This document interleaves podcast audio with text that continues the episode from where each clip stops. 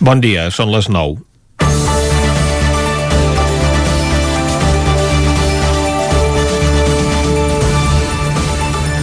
El Tribunal Superior de Justícia de Madrid compleïa i la seva presidenta autonòmica i anul·lava l'aplicació de l'ordre de la Conselleria de Sanitat que obligava a aplicar mesures preventives en determinats municipis en compliment d'una ordre del Ministeri de Sanitat.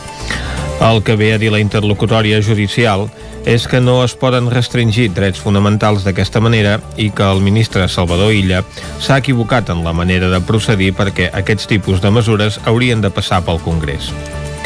Altres governs, fins i tot del mateix Partit Popular, o com ha passat també a Catalunya, han decidit aplicar mesures de confinament estricte en determinades zones sense que, afortunadament, a ningú se li acudís recórrer a la justícia pel bé de la salut de tots.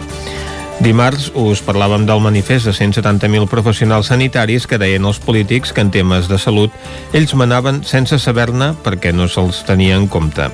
Però ara el que s'ha posat de manifest és que els que manen de debò són els jutges, que encara en deuen saber menys, i aquest seguit de decisions minen, encara més, la credibilitat del govern espanyol cap a Europa per la gestió de la pandèmia, el país europeu amb major número de contagis i el tercer en víctimes mortals, segons les dades que feia públiques ahir la Universitat Nord-Americana Johns Hopkins. I això que només es remet a les xifres oficials i no a les que se sospita que realment s'han produït.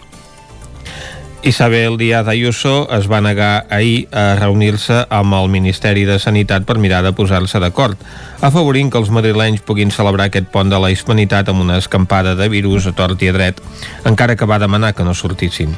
Per això avui Pedro Sánchez ha convocat un Consell de Ministres extraordinari per decretar l'estat d'alarma sobre Madrid. Massa tard. Aquests dies sembla que el Poder Judicial persegueixi el govern i donar ales als que hi veuen una mà negra contra la coalició d'esquerres. A la interlocutòria del Tribunal Superior de Justícia de Madrid, coneguda ahir, s'hi sumava abans ahir el trasllat al Suprem del cas Dina, que afecta a Pablo Iglesias. El vicepresident ahir manifestava que considera inconcebible que se l'acabi imputant. I per si fos poc, a la seva parella Irene Montero, l'Audiència de Madrid, li ha desestimat el recurs contra l'arxivament d'una querella que va presentar contra una dona per coaccions i assetjament per les cassolades que s'organitzaven davant de la casa que comparteixen en una urbanització de Madrid. La ministra es queixava que a conseqüència de l'escarni no podia sortir a passejar els seus fills i que amb el soroll que provocaven no els podia ni treure al jardí del xalet. Que no es queixi tant, que hi ha altres polítics perseguits per la justícia que ho estan passant pitjor.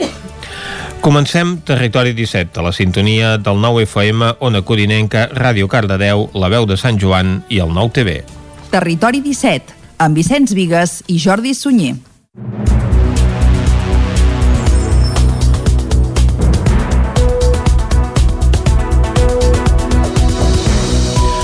Són les 9 i 3 minuts i mig del matí. Avui a Territori 17 us parlarem dels problemes de seguretat ciutadana a Ripoll amb la regidora Dolors Vilalta. Repassarem els actes esportius i de lleure del cap de setmana, menjarem patata del bufet i els clàssics musicals recuperarem un disc d'ACDC. Tot això i més a partir d'ara i fins les 12, però en primer lloc al Territori 17 fem un repàs a l'actualitat de les comarques del Ripollès, Osona, el Moianès i el Vallès Oriental. Àlex Garrido s'ho ha repensat i finalment no dimitirà d'alcalde de Manlleu. Després de dos dies reclòs a Montserrat, aquest dijous va emetre un comunicat on deia que finalment ha reconsiderat la seva decisió d'abandonar l'alcaldia després de la mobilització que va comportar el seu anunci de dimissió arran de la publicació d'un vídeo d'ell en estat ebri gravat el passat mes de juliol en un bar de Platja d'Aro. El comunicat Garrido diu que acabarà el mandat però no tornarà a encapçalar cap candidatura en les properes eleccions municipals municipals. L'alcalde de Manlleu, però, va més enllà i planteja un debat sobre l'exemplaritat dels representants polítics i els límits entre la seva vida pública i privada. Per això mateix presentarà al proper ple una proposta de país per fer una jornada de reflexió col·lectiva de primer nivell per abordar aquest debat. El Departament de Salut ha congelat la reobertura de l'oci nocturn, una decisió que aquest dimecres feia pública la consellera de Salut, Alba Vergés, i que vol donar resposta a l'augment de l'índex de rebrot. Nou revés a l'oci nocturn. Salut ha fet marxa enrere i ha decidit congelar la reobertura del sector que dimarts anunciava el Procicat. Un gir de guió que el departament feia públic 24 hores després d'anunciar les noves mesures del Pla de Protecció Civil, alegant l'augment de l'índex de rebrot a Catalunya. La proposta del Procicat permetia als locals d'oci nocturn obrir fins les 3 de la matinada amb unes condicions que el sector d'entrada no va aprovar. La més controvertida, la que obligava a ocupar la pista de ball amb taules i cadires. Ramon Portet és el gerent del grup PIC. És que no podem treballar així. No podem. Escolta, si tu tens un restaurant deus poder servir menjar, no? Si vas a un cinema deus poder veure una pel·lícula. Discoteca. Aviam, algú no entén què diu aquesta paraula? Discoteca, discos, discoteca, música, música. Va? Sí, no sé, què ens vols fer treballar? Com un bar? Un escenari que deixa l'oci nocturn en una situació encara més extrema que la que els locals ja van haver d'entomar amb la proclamació de l'estat d'alarma. Denuncien la manca d'ajudes en un sector que a Catalunya dona feina a més de 37.000 persones. No vaig explicar jo la tragèdia que és això, d'acord? De gent que no cobra, que cobra malament, que de més i que tal. Nosaltres, els impostos són els mateixos, els lloguers, la llum, eh, tot, tots els gastos generals, tot, tots els gastos generals. Portet gestiona cinc locals d'oci nocturn a Osona. A la fase 3 de la represa va poder obrir una nit les carpes Vicestiu. Des de llavors té tots els locals tancats. Ara espera que les autoritats competents trobin la fórmula per poder reobrir amb condicions, tot i que alerta, si tarda gaire en arribar la gran majoria de locals, no ho podran tornar a fer. Pimec, Vallès Oriental i l'Ajuntament de Granollers formen joves en el món de la indústria 4.0. David Oladell, de Ràdio Televisió Cardedeu. La formació està destinada a 75 joves del Vallès Oriental que vulguin formar-se i trobar feina en la indústria 4.0 i que per tant poden participar del projecte Connecta Jove Vallès Oriental una iniciativa de PIMEC que compta amb la participació de Granollers Mercat i que està oberta a nois i noies de la comarca d'entre 16 i 29 anys amb l'objectiu d'orientar-los sociolaboralment. Gemma Jiménez, regidora de Promoció Econòmica de Granollers és clau doncs, poder eh, desenvolupar polítiques actives per ajudar en aquest col·lectiu no? de nois joves doncs, que eh, o bé han deixat la formació arreglada i, doncs, i no saben per on orientar-se professionalment o bé directament anar a, a buscar diguéssim a, a reduir doncs, la taxa d'ocupació eh, juvenil doncs, que tenim en aquests moments a la comarca. Els participants rebran formació en l'anomenada Indústria 4.0 amb temàtiques com manteniment industrial, muntatge i manteniment d'instal·lacions frigorífiques, robòtica, màrqueting digital i automatització logística. Gemma Jiménez, regidora de Promoció Econòmica de l'Ajuntament de Granollers. Tindran oportunitat d'orientar-se laboralment amb una persona doncs, que els hi farà aquesta tutorització, eh, on es treballaran doncs, aspectes d'orientació doncs, per competències i eh, se'ls orientarà, diguéssim, després de que hagin fet també tota aquesta formació professionalitzadora, a, a conèixer molt millor el sector i quines són les oportunitats de buscar feina en aquests àmbits. Per a participar-hi cal que els joves estiguin inscrits com a demandants d'ocupació a les oficines de treball. La iniciativa forma part de la segona edició dels projectes de singulars de PIMEC. Torelló reimpulsarà el projecte educatiu de ciutat després d'actualitzar el que es va crear l'any 2015.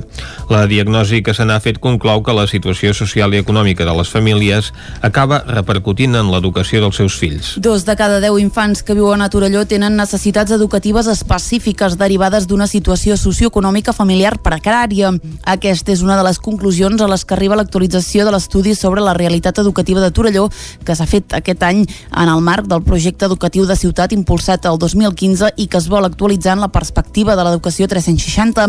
La diagnosi la va presentar aquest dimarts l'alcalde Marçal Ortuño que remarcava que el pla té camí en altres àmbits més enllà de l'educació. Perquè amb aquesta mirada de l'educació puguem eh, millorar la resta d'àrees i d'aquesta manera doncs, tenir una comunitat que sigui més crítica, més eh, cohesionada, més plural. La diagnosi també determina que pel que fa al nivell d'estudis, 6 de cada 10 torellonencs majors de 16 anys tenen com a màxim estudis obligatoris, un nivell educatiu més baix que el conjunt de Catalunya. Tot i això, la proporció de persones amb estudis universitaris ha crescut 3 punts en 6 anys i són més del 15%. El grup impulsor del treball ha estat actiu malgrat el confinament i s'ha elaborat un mapa dels recursos educatius del municipi on s'hi entrellacen una vuitantena d'agents i espais i recursos educatius. Núria Montanyà és és la regidora d'Educació de l'Ajuntament de Torelló. Canviem el nom i n'hi diem ecosistema educatiu, perquè creiem que realment el que tenim a Torelló és un ecosistema i eh, que tot, queda tot molt enllaçat. No? És on veiem que hi participa realment moltes entitats que segurament no es defineixen com educatives, però que realment doncs, són educadores. En el marc de l'actualització del pla s'ha iniciat un procés participatiu que té una comissió de seguiment formada per tots els grups polítics. Es va fer una sessió amb polítics i tècnics i a partir de la setmana vinent, coincidint amb la xerrada inaugural del curs, s'iniciarà un procés de debat entre la ciutadania. Endesa posa sis nous punts de recàrrega per vehicles elèctrics a Ripoll gràcies a un conveni amb l'Ajuntament. Isaac Muntades, des de la veu de Sant Joan.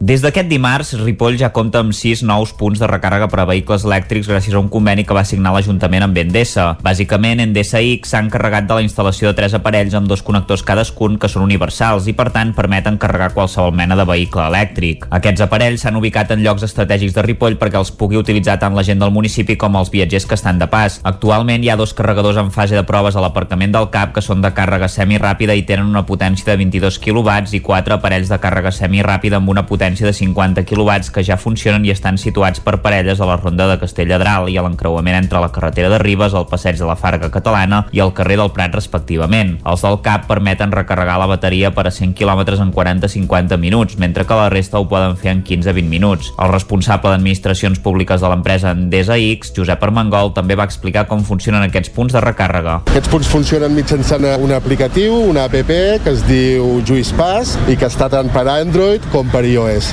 Eh, la seva instal·lació és molt fàcil, pots registrar-te directament amb una persona física o si vols pots carregar una targeta i fer-la servir sense registrar-se.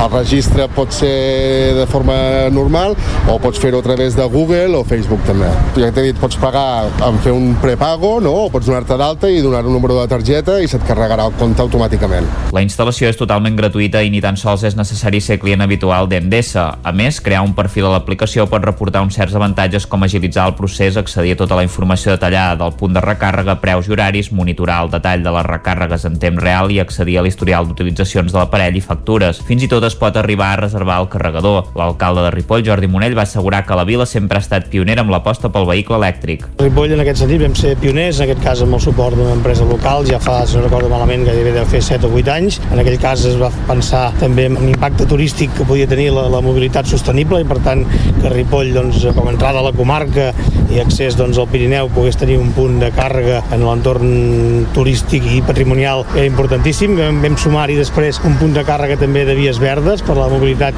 doncs, amb, amb bicicletes elèctriques, amb les, amb les e-bikes. També pensem que hem estat també molts anys amb la Fira de les 40 Hores introduint tot aquest tema i aquest concepte de la mobilitat sostenible doncs, perquè també els ciutadans i els visitants doncs, ens anem conscienciant de, de cap a on va aquest futur de la mobilitat. Monell també va recordar que les ordenances fiscals fa uns 4 o 5 anys es va introduir una bonificació a l'impost de vehicles de tracció mecànica per premiar els vehicles elèctrics i híbrids. L'alcalde va remarcar que Ripoll ja és un lloc de referència a la xarxa Electromaps com a punt estratègic en comunicacions. De moment, a la capital del Ripollès ja hi ha 8 punts de recàrrega per a vehicles elèctrics, un altre per motocicletes i algun provinent de la iniciativa privada i s'espera implantar-ne 4 més en el futur. El Museu Termàlia de Caldes de Montbui presenta una nova exposició temporal. Caldes de Montbui desapareguda. Caral Campàs, des d'Ona Codinenca. Aquest dissabte el Museu Termàlia inaugurarà la seva nova exposició temporal que porta per títol Caldes de Montbui desapareguda i que mostra un recull fotogràfic publicat anteriorment en el llibre homònim editat per Raquel Castellà. El llibre, que combina fotografies antigues i textos explicatius, està editat per l'editorial F2 en col·laboració amb l'Ajuntament. Castellà, l'autora, serà la comissària d'aquesta mostra en format expositiu que presentarà un fons fotogràfic que posa en evidència els canvis urbans i estètics que ha viscut Caldes filmades en gairebé dos segles. Les imatges ensenyen els escenaris, però també els rostres i les activitats que s'han dut a terme a la vila des de finals del segle XIX i fins al 1970. La regidora de Turisme i Termalisme, Carme Germà, ha explicat els avantatges que tindrà la gent que visiti aquesta mostra els, pri els primers dies. Del 10 d'octubre fins al 14 d'octubre, a part de venir a veure l'exposició, serà també interessant perquè s'oferiran visites guiades per l'exposició permanent de termalisme a les 12 del migdia i a les 5 de la tarda. Llavors, és, mm, estarà, estarà molt bé per la gent que pugui venir aquests primers dies perquè eh, pot visitar l'exposició temporal i també l'exposició permanent de termalisme. L'exposició del Termàlia s'ubica a la sala Sebastià Badia i s'allargarà fins al 10 de gener.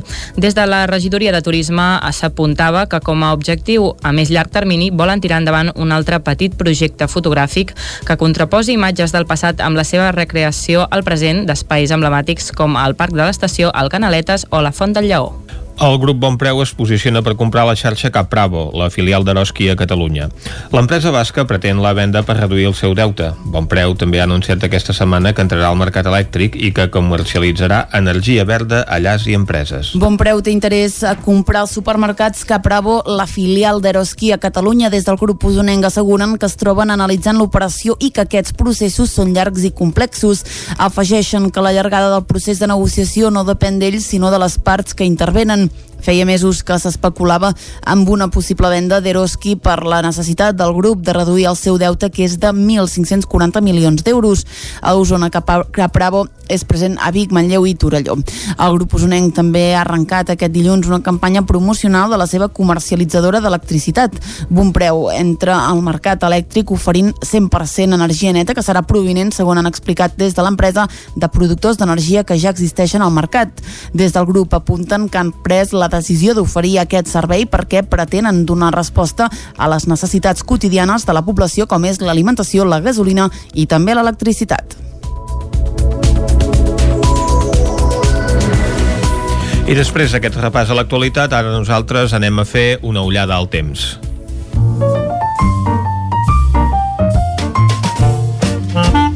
Casa Terradellos us ofereix el temps.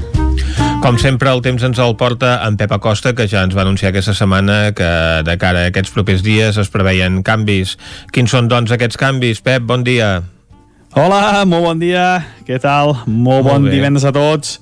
Atenció, per tercer cap de setmana consecutiu el, estarà dominat per un front de nord. Arpla. Avui, per això, serà un dia d'impàs, de calma tensa. Han baixat una mica les temperatures, les temperatures ara, hi ha una mica de núvols, però bueno, molt poca cosa. Les temperatures màximes molt semblants a les d'ahir, no es mouran pràcticament, i l'estat del cel. Aviam, eh, tindrem núvols ara al matí, de cara a la tarda també núvols cap al prelitoral, però on els núvols seran més espessos i fins i tot poden caure quatre gotes és el Pirineu i el Prepirineu. De moment avui, molt poca cosa, eh? Dissabte serà el dia més inestable del cap de setmana dir que aquest front de nord se'ns acostarà, se'ns tirarà a sobre i serà responsable de la precipitació. Uh, serà un vent de nord que ve de latituds bastant, bastant superiors, eh? latituds bastant elevades. Uh, per tant, gairebé arriba del front del, del Pol Nord, aquest aire fred, i per Carai. tant serà una important defrescada la que tindrem de cara a demà. I el front n'hi ha acompanyat de pluges. Uh, I ara bon matí pot començar a ploure, sobretot cap al prelitoral. És on hi haurà la pluja més destacada durant el dia. Jo crec que va ploure uh, cap al prelitoral de 20, 30, fins i tot 40 litres. Per tant, la pluja pot ser bastant destacada.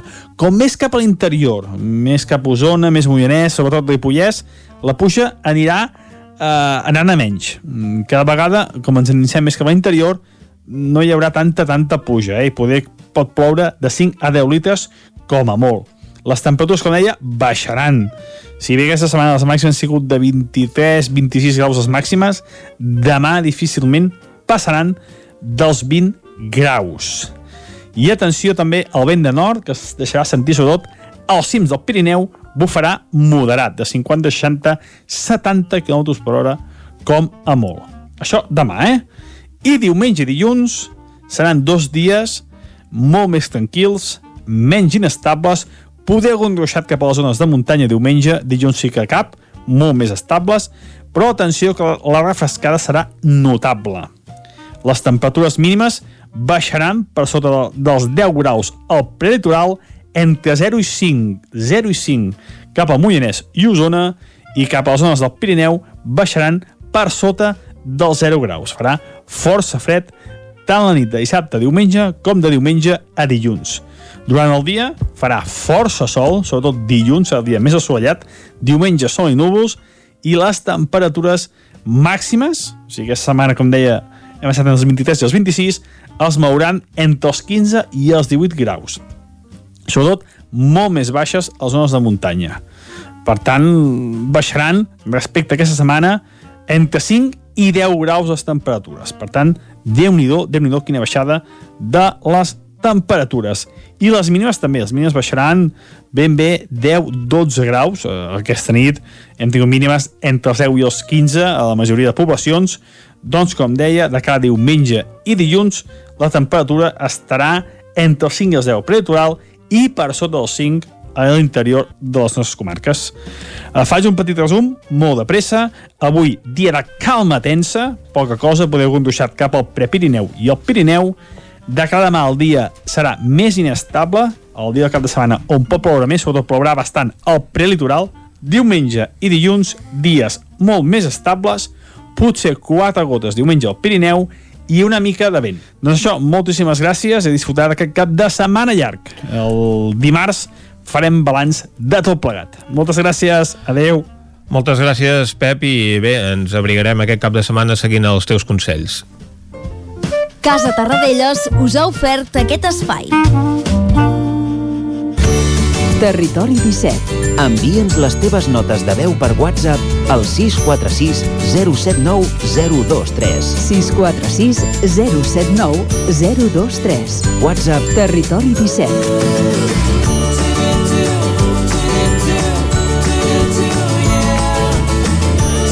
Territori 17. Som a Facebook, Twitter i Instagram amb l'usuari Territori 17.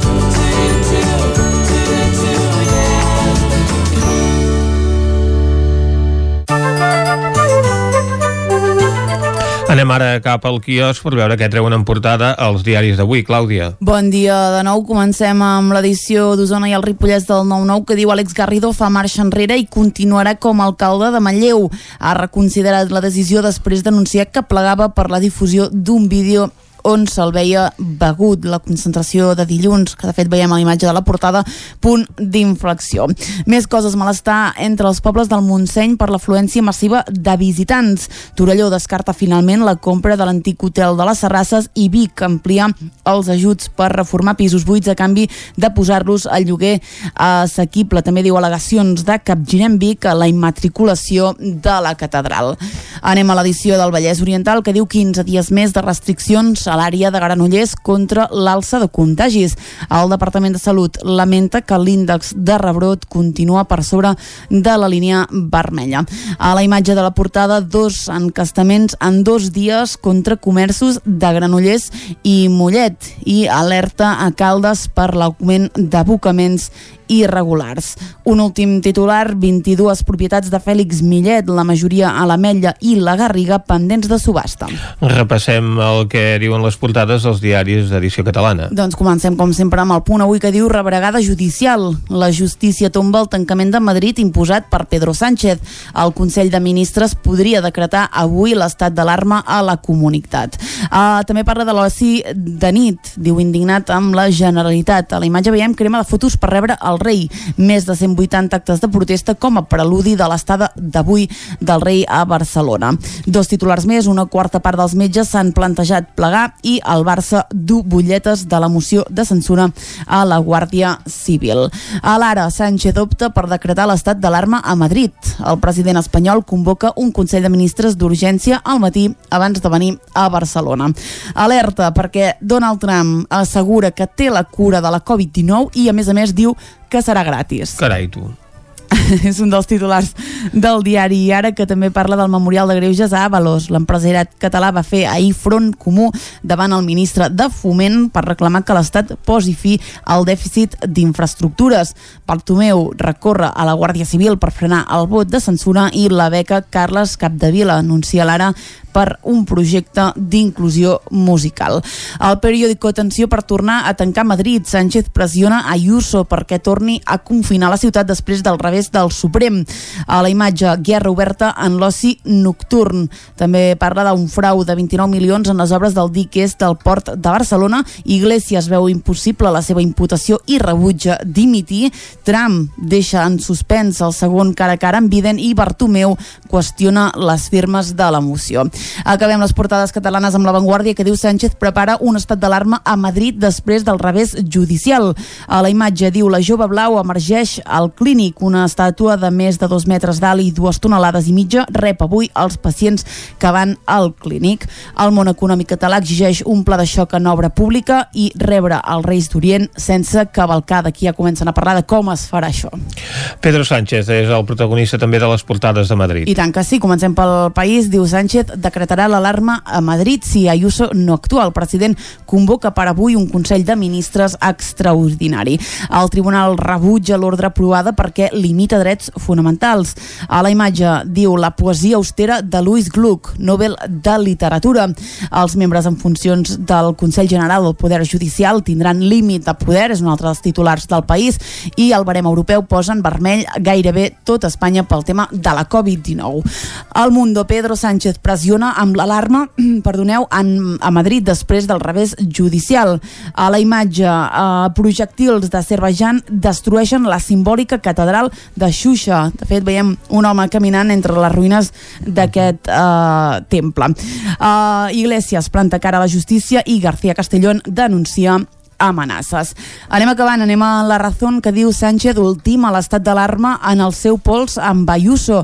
Diu els madrilenys hostatge del govern. Veiem a Ayuso a la imatge de la portada. Uh, també parla d'Iglesias, a la raó d'aquest divendres. Diu la pitjor defensa a l'atac Iglesias arremet contra la justícia. I consigna sobiranista rebuda hostil al rei a Barcelona.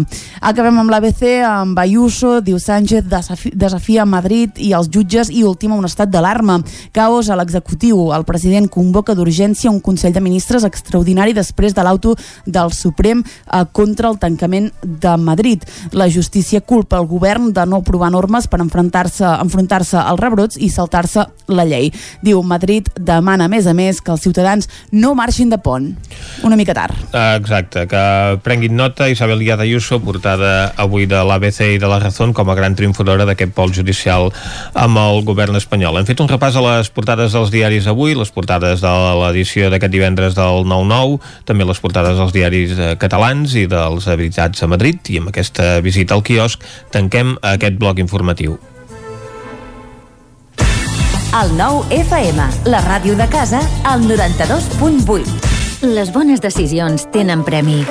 I és que si té una caldera Vaillant, està d'enhorabona. Vaillant li ofereix fins a 15 anys de cobertura total, amb la revisió obligatòria inclosa. Informis a Oficiat Nord trucant al 93 886 0040.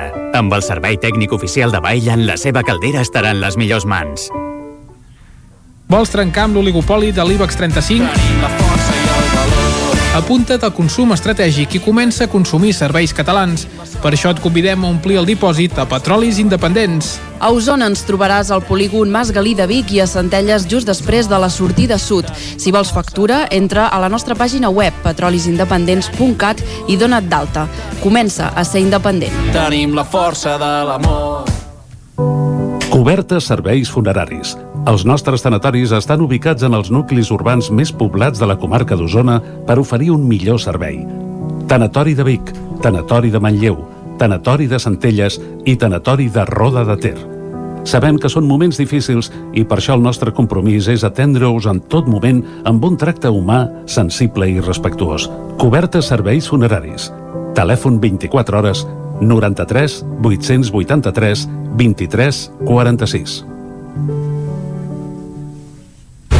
El racó de León. Vine a tastar les xuletilles de lechal a la brasa amb una bona amanida o el xuletón de vedella gallega. No et pots perdre el nostre lechado de Castilla al forn o el cochinillo a l'estil de Segovia. I si encara no has tastat els nostres cargols a la llauna, no esperis més. Descobreix la millor cuina del lleó sense moure't de casa. El racó de León, cuina tradicional lleonesa i de mercat. Som al carrer Torelló 35 de Vic. Telèfon per a reserves 93 889 1950. El racó de León, una cuina diferent. Som especialistes en cargols a la llauna. Vine a tastar-los al racó de León. Breda, mil anys als peus del Montseny. Vine a Breda i trobaràs botigues de ceràmica i terrissa, el monestir benedictí de Sant Salvador de Breda, el Museu Aragai sobre l'obra de l'artista noucentista Josep Aragai i el Centre Cultural Els Forns, un centre d'interpretació de la tradició terrissaire del poble. Passeja pel castell de Montsoriu, la fortalesa gòtica més important de Catalunya. Més informació a turismebreda.cat. Rètols 2 Art. Experts en comunicació visual. Rètols, vinils, impressió, plaques gravades, senyalització, displays electrònics, tall làser... Rètols 2 Art. Ens trobareu a la carretera de Vic a Olot número 7, al polígon Malloles de Vic. dosartvic.com Telèfon 93 889 2588. El nou FM, el nou FM, el nou FM, el nou FM. Territori 17, amb Vicenç Vigues i Jordi Sunyer.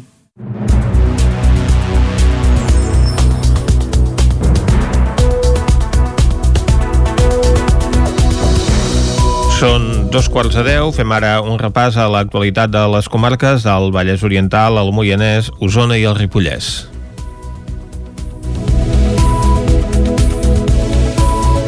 Àlex Garrido s'ho ha repensat i finalment no dimitirà d'alcalde de Manlleu. Després de dos dies reclòs a Montserrat, aquest dijous va emetre un comunicat on deia que finalment ha reconsiderat la seva decisió d'abandonar l'alcaldia després de la mobilització que va comportar el seu anunci de dimissió arran de la publicació d'un vídeo d'ell en estat ebri gravat el passat mes de juliol en un bar de Platja d'Aro. El comunicat Garrido diu que acabarà el mandat però no tornarà a encapçalar cap candidatura en les properes eleccions municipals. L'alcalde de Manlleu, però, va més enllà i planteja un debat sobre l'exemplaritat dels representants polítics i els límits entre la seva vida pública i privada. Per això mateix presentarà al proper ple una proposta de país per fer una jornada de reflexió col·lectiva de primer nivell per abordar aquest debat. El Departament de Salut ha congelat la reobertura de l'oci nocturn, una decisió que aquest dimecres feia pública la consellera de Salut, Alba Vergés, i que vol donar resposta a l'augment de l'índex de rebrot. Nou revés a l'oci nocturn. Salut ha fet marxa enrere i ha decidit congelar la reobertura del sector que dimarts anunciava el Procicat. Un gir de guió que el departament feia públic 24 hores després d'anunciar les noves mesures del Pla de Protecció Civil alegant l'augment de l'índex de rebrot a Catalunya. La proposta del Procicat permetia als locals d'oci nocturn obrir fins les 3 de la matinada amb unes condicions que el sector d'entrada no va aprovar. La més controvertida, la que obligava a ocupar la pista de ball amb taules i cadires. Ramon Portet és el gerent del grup PIC. És que no podem treballar així. No podem. Escolta, si tu tens un restaurant deus poder servir menjar, no? Si vas a un cinema deus poder veure una pel·lícula. Discoteca. Aviam, algú no entén què diu aquesta paraula? Discoteca, discos, discoteca, música, música. Va? Sí, no sé, què et vols fer treballar? Com un bar? Un escenari que deixa l'oci nocturn en una situació encara més extrema que la que els locals ja van haver d'entomar amb la proclamació de l'estat d'alarma. Denuncien la manca d'ajudes en un sector que a Catalunya dona feina a més de 37.000 persones. No vaig explicar jo la tragèdia que és això. D'acord? De gent que no cobra, que cobra malament, que de més i que tal. Nosaltres, els impostos són els mateixos, els lloguers, la llum, eh, tot, tots els gastos generals, tot, tots els gastos generals. Portet gestiona cinc locals d'oci nocturn a Osona. A la fase 3 de la represa va poder obrir una nit les carpes Vic Estiu. Des de llavors té tots els locals tancats. Ara espera que les autoritats competents trobin la fórmula per poder reobrir amb condicions, tot i que alerta si tarda gaire en arribar la gran majoria de locals no ho podran tornar a fer. Pimec, Vallès Oriental i l'Ajuntament de Granollers formen joves en el món de la indústria 4.0. David Oladell, de Ràdio Televisió Cardedeu. La formació està destinada a 75 joves del Vallès Oriental que vulguin formar-se i trobar feina en la indústria 4.0 i que per tant poden participar del projecte Connecta Jove Vallès Oriental una iniciativa de PIMEC que compta amb la participació de Granollers Mercat i que està oberta a nois i noies de la comarca d'entre 16 i 29 anys amb l'objectiu d'orientar-los sociolaboralment. Gemma Jiménez, regidora de Promoció Econòmica de Granollers és clau doncs, poder eh, desenvolupar polítiques actives per ajudar en aquest col·lectiu no? de nois joves doncs, que eh, o bé han deixat la formació reglada i, doncs, i no saben per on orientar-se professionalment o bé directament anar a, a, a buscar diguéssim a, a reduir doncs, la taxa d'ocupació eh, juvenil doncs, que tenim en aquests moments a la comarca.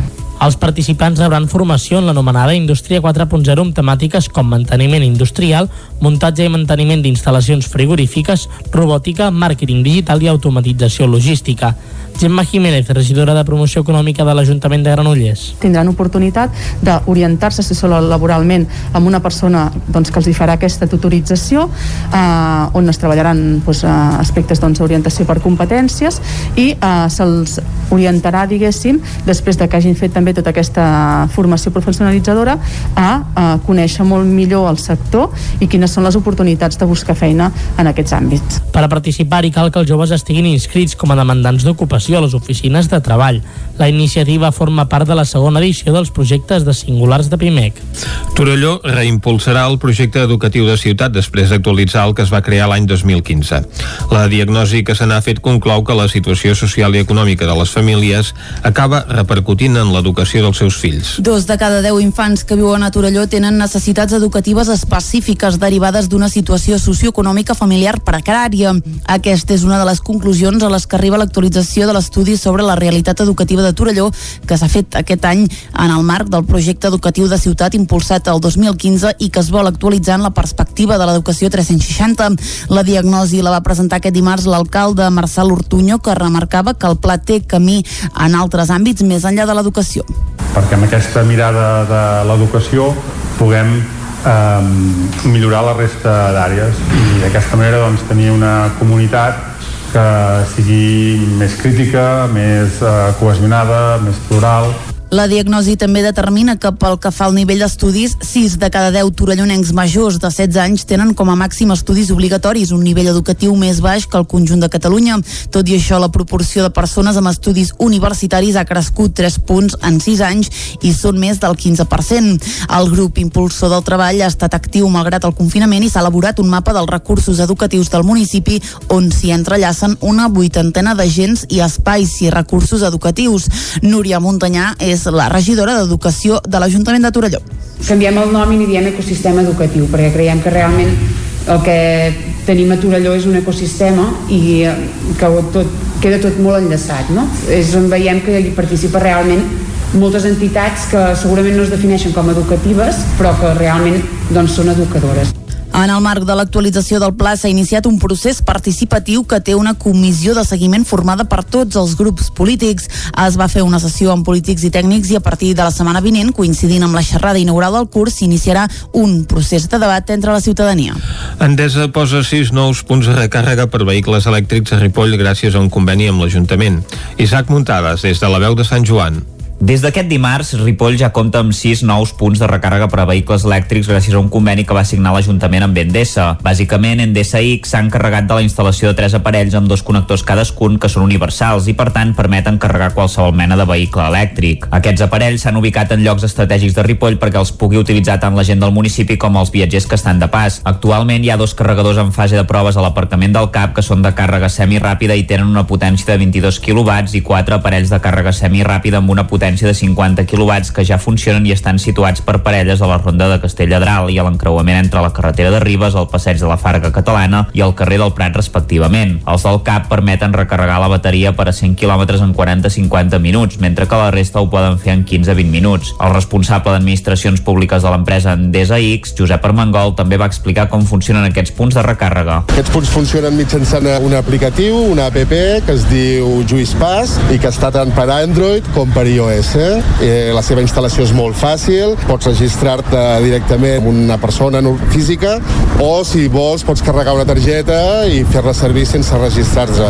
El registre pot ser de forma normal o pots fer-ho a través de Google o Facebook també. Ja t'he dit, pots pagar en fer un prepago no? o pots donar-te d'alta i donar un número de targeta i se't carregarà el compte automàticament. La instal·lació és totalment gratuïta i ni tan sols és necessari ser client habitual d'Endesa. A més, crear un perfil a l'aplicació pot reportar uns certs avantatges com agilitzar el procés, accedir a tota la informació detallada del punt de recàrrega, preus i horaris, monitorar el detall de les recàrregues en temps real i accedir a l'historial d'utilitzacions de l'aparell i factures. Fins i tot es pot arribar a reservar el carregador. L'alcalde de Ripoll, Jordi Monell, va assegurar que la vila sempre ha estat pionera amb l'aposta pel vehicle elèctric. Ripoll en aquest sentit vam ser pioners, en aquest cas amb el suport d'una empresa local, ja fa, si no recordo malament, gairebé deu fer 7 o 8 anys. En aquell cas es va pensar també en l'impacte turístic que podia tenir la, la mobilitat sostenible i per tant que Ripoll doncs, com a entrada a la comarca i accés doncs, al Pirineu pogués tenir un punt de càrrega en l'entorn turístic i patrimonial era importantíssim. Vam, vam sumar-hi després un punt de càrrega també de vies verdes per la mobilitat doncs, amb, amb bicicletes elèctriques, amb les, amb les e-bikes. També pensem que hem estat també molts anys amb la Fira de les 40 Hores introduint tot aquest tema i aquest concepte de la mobilitat sostenible doncs, perquè també els ciutadans i els visitants doncs, ens anem conscienciant de, de cap a on va aquest futur de la mobilitat. Monell també va recordar que les ordenances fiscals fa uns 4 o 5 anys es va introduir una bonificació a l'impost de vehicles de tracció mecànica per premiar els vehicles elèctrics i híbrids. L'alcalde va remarcar que Ripoll ja és un lloc de referència a la xarxa Electromaps com a punt estratègic en comunicacions. De moment, a la capital del Ripollès ja hi ha 8 punts de recàrrega per a vehicles elèctrics, un altre per motocicletes i algun provinent de la iniciativa privada i s'espera implantar-ne 4 més en el futur. El Museu Termàlia de Caldes de Montbui presenta una nova exposició temporal. Caldes de Montbui desapareguda. Caral Campàs, des d'Ona Codinenca. Aquest dissabte el Museu Termàlia inaugurarà la seva nova exposició temporal que porta per títol Caldes de Montbui desapareguda i que mostra un recull fotogràfic publicat anteriorment en el llibre homònim editat per Raquel Castellà. El llibre, que combina fotografies antigues i textos explicatius, està editat per l'editorial F2 en col·laboració amb l'Ajuntament. Castellà, l'autora, serà la comissària d'aquesta mostra en format expositiu que presentarà un fons fotogràfic que posa en evidència els canvis urbans i estètics que ha viscut Caldes en gairebé dos segles. Les imatges ensenyen els escenaris, però també els rostres i les activitats que s'han dut a terme a la vila des de finals del segle XIX i fins al 1970. La regidora de Turisme i Termalisme, Carme Germà, ha explicat els avantatges que tindrà la gent que visiti aquesta mostra els, pri els primers dies. Del 10 d'octubre fins al 14 d'octubre, a part de venir a veure l'exposició, serà també interessant perquè s'oferiran visites guiades per l'exposició permanent de termalisme a les 12 del migdia i a les 5 de la tarda. Llavors, és, mm, estarà, estarà molt bé per la gent que pugui venir aquests primers dies perquè eh, pot visitar l'exposició temporal i també l'exposició permanent de termalisme. L'exposició del Termàlia s'ubica a la sala Sebastià Badia i s'allargarà fins al 10 de gener. Des de la regidoria de turisme s'apuntava que com a objectiu a més llarg termini volen tirar endavant un altre petit projecte fotogràfic que contraposi imatges del passat amb la seva recreació al present d'espais emblemàtics com el Parc de l'Estació, el Canaletes o la Font del Lleó. El grup Bonpreu es posiciona per comprar la xarxa Capravo, la filial d'Eroski a Catalunya. L'empresa basca pretén la venda per reduir el seu deute. Bonpreu també ha anunciat aquesta setmana que entrarà al mercat elèctric i que comercialitzarà energia verda a llars i empreses. Bon preu té interès a comprar els supermercats Capravo, la filial d'Eroski a Catalunya. Des del grup usonenc asseguren que es troben analitzant l'operació i que aquests processos són llargs i complexos. Afegeixen que la llargada del procés de negociació no depèn d'ells, sinó de les parts que intervenen. Feia mesos que s'especulava amb una possible venda d'Eroski per la necessitat del grup de reduir el seu deute, que és de 1.540 milions d'euros. A Osona Capravo és present a Vic, Manlleu i Torelló. El grup usonenc també ha arrencat aquest dilluns una campanya promocional de la seva comercialitzadora d'electricitat. Bonpreu entra al mercat elèctric oferint 100% energia neta que serà provinent, segons han explicat des de l'empresa, de productors d'energia que ja existeixen al mercat. Des del grup apunten que han pres la decisió d'oferir aquest servei perquè pretenen donar resposta a les necessitats quotidianes de la població com és l'alimentació, la gasolina i també l'electricitat. I després d'aquest repàs a l'actualitat, ara nosaltres anem a fer una ullada al temps.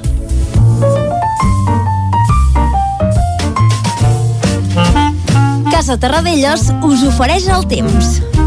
Com sempre, el temps ens el porta en Pep Acosta, que ja ens va anunciar aquesta setmana que de cara a aquests propers dies es preveien canvis. Quins són, doncs, aquests canvis? Pep, bon dia. Hola, molt bon dia. Què tal? Molt, bon bé. divendres a tots.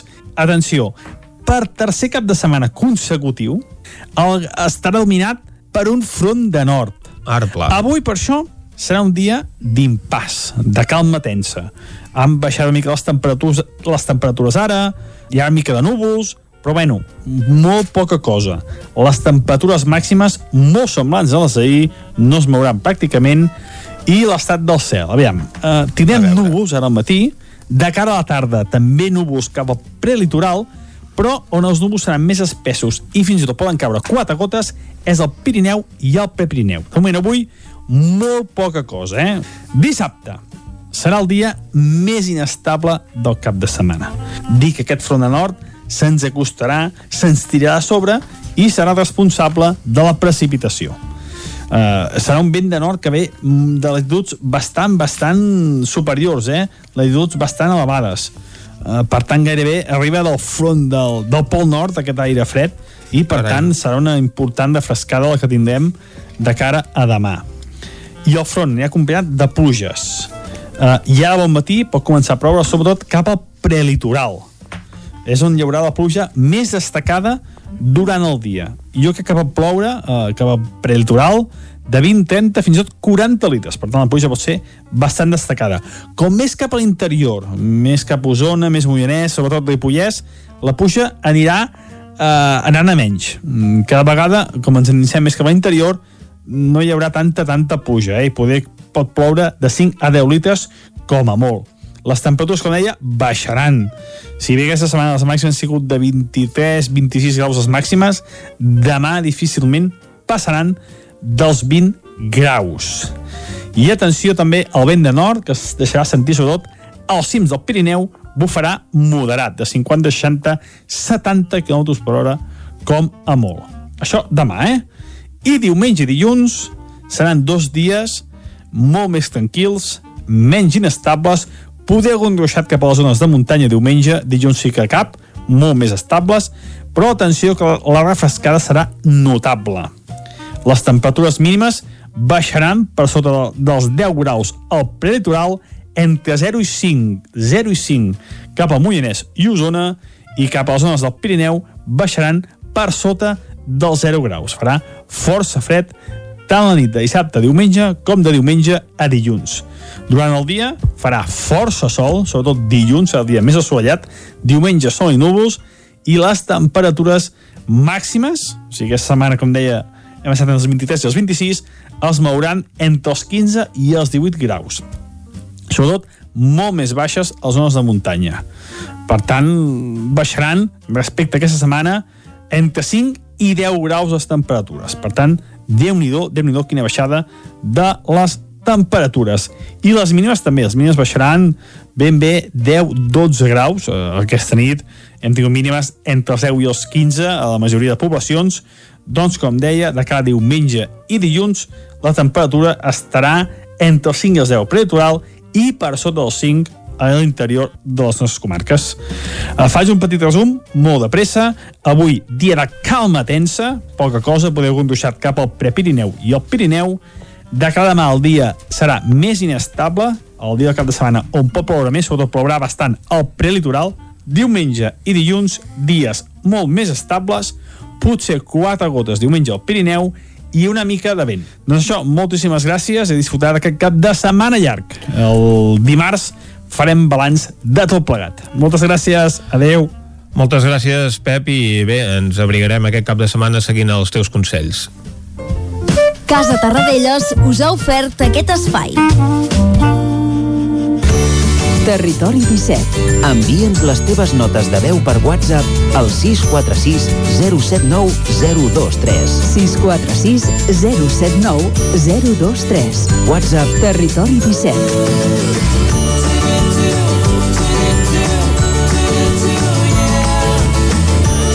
Territori 17.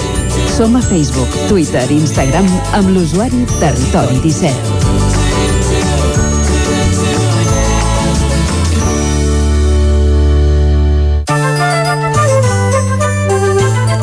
Anem ara cap al quios per veure què treuen en portada els diaris d'avui. Clàudia. Bon dia de nou. Comencem amb l'edició d'Osona i el Ripollès del 9-9 que diu Àlex Garrido fa marxa enrere i continuarà com a alcalde de Manlleu.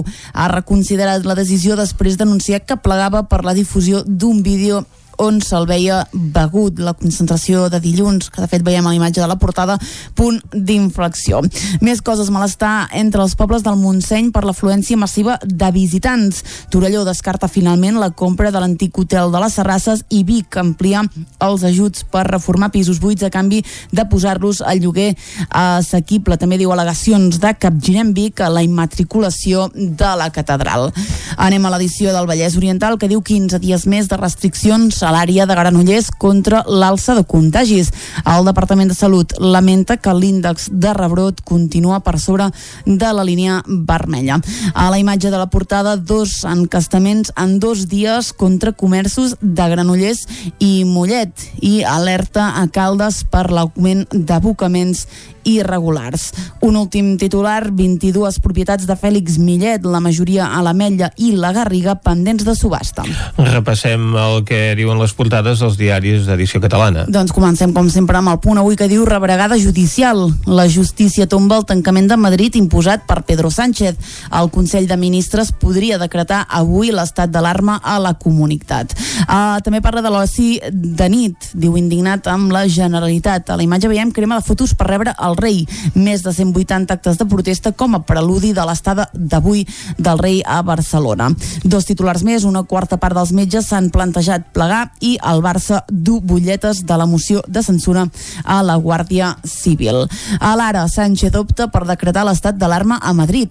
El president espanyol convoca un Consell de Ministres d'urgència al matí abans de venir a Barcelona. Alerta perquè Donald Trump assegura que té la cura de la Covid-19 i a més a més diu que serà gratis. Carai, tu. és un dels titulars del diari i ara que també parla del Memorial de Greuges a Avalos. L'empresariat català va fer ahir front comú davant el ministre de Foment per reclamar que l'Estat posi fi al dèficit d'infraestructures. Bartomeu recorre a la Guàrdia Civil per frenar el vot de censura i la beca Carles Capdevila anuncia l'ara per un projecte d'inclusió musical. El periòdico Atenció per tornar a tancar Madrid. Sánchez pressiona Ayuso perquè torni a confinar la ciutat després del revés del Suprem. A la imatge, guerra oberta en l'oci nocturn. També parla d'un frau de 29 milions en les obres del dic est del port de Barcelona. Iglesias veu impossible la seva imputació i rebutja dimitir. Trump deixa en suspens el segon cara a cara amb Biden i Bartomeu qüestiona les firmes de la moció. Acabem les portades catalanes amb l'avantguàrdia que diu Sánchez prepara un estat d'alarma a Madrid després del revés judicial. A la imatge diu la jove blau emergeix al clínic, una estàtua de més de dos metres d'alt i dues tonelades i mitja rep avui els pacients que van al clínic. El món econòmic català exigeix un pla de xoc en obra pública i rebre els Reis d'Orient sense cavalcar. D'aquí ja comencen a parlar de com es farà això. Pedro Sánchez és el protagonista també de les portades de Madrid. I tant que sí, comencem pel país, diu Sánchez, decretarà l'alarma a Madrid si Ayuso no actua. El president convoca per avui un Consell de Ministres extraordinari. El Tribunal rebutja l'ordre aprovada perquè limita drets fonamentals. A la imatge diu la poesia austera de Louis Gluck, Nobel de Literatura. Els membres en funcions del Consell General del Poder Judicial tindran límit de poder, és un altre dels titulars del país, i el barem europeu posa en vermell gairebé tot Espanya pel tema de la Covid-19. El Mundo Pedro Sánchez pressiona amb l'alarma, perdoneu, en, a Madrid després del revés judicial. A la imatge, eh, projectils d'Azerbaijan destrueixen la simbòlica catedral de Xuxa. De fet, veiem un home caminant entre les ruïnes d'aquest eh, temple. Eh, Iglesias planta cara a la justícia i García Castellón denuncia amenaces. Anem acabant, anem a la raó que diu Sánchez ultima l'estat d'alarma en el seu pols amb Ayuso. Diu els madrilenys hostatge del govern, veiem a Ayuso a la imatge de la portada, uh, també parla d'Iglesias, la raó d'aquest divendres, diu la pitjor defensa a l'atac Iglesias arremet contra la justícia. I consigna sobiranista rebuda hostil al rei a Barcelona. Acabem amb l'ABC, amb Ayuso, diu Sánchez, desafi desafia Madrid i els jutges ministres i última un estat d'alarma. Caos a l'executiu. El president convoca d'urgència un Consell de Ministres extraordinari després de l'auto del Suprem eh, contra el tancament de Madrid. La justícia culpa el govern de no aprovar normes per enfrontar-se enfrontar-se als rebrots i saltar-se la llei. Diu Madrid demana a més a més que els ciutadans no marxin de pont. Una mica tard. Uh, exacte, que prenguin nota Isabel Díaz Ayuso, portada avui de l'ABC i de la Razón com a gran triomfadora d'aquest pol judicial amb el govern espanyol. Hem fet un repàs a les portades dels diaris avui, les portades de l'edició d'aquest divendres del 9-9, també les portades dels diaris eh, catalans i dels habilitats a Madrid, i amb aquesta visita al quiosc tanquem aquest bloc informatiu. Vaig pensar-te a la foscor de la nit i ara tinc la teva tendresa tan... Hem tancat el bloc informatiu i ara fins a les 10 encetem el bloc musical. Avui us portarem un parell d'estrenes. En primer lloc estrenem l'últim single del gironí Miquel Abres, és aquest que estem sentint. Una cançó que porta per nom Ara que ets ocell i que va néixer durant el confinament com un cant a l'esperança i a l'optimisme. Doncs amb Miquel Abres obrim aquest bloc musical d'avui. La vida és un record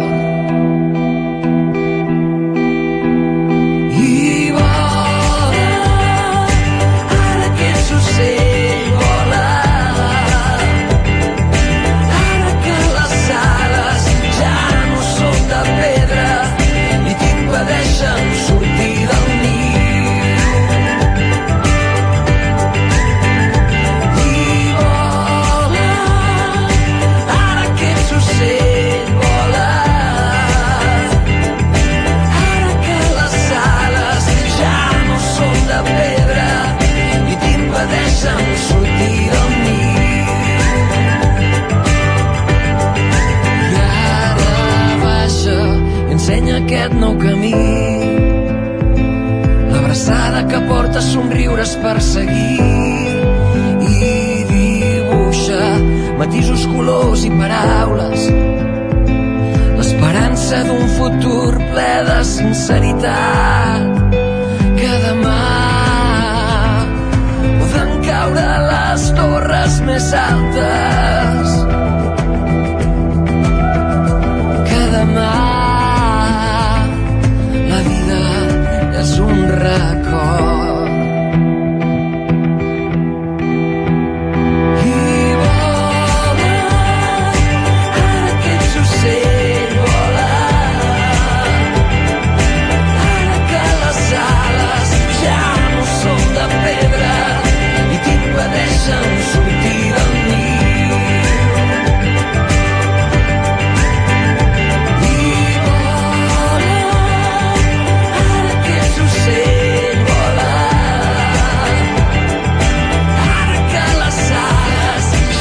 I després d'ara aquests ocell de Miquel Abres estrenem també una altra peça. Es titula Paret de metall i és el primer single del primer dels discos dels biguetans Junco i Mimbre.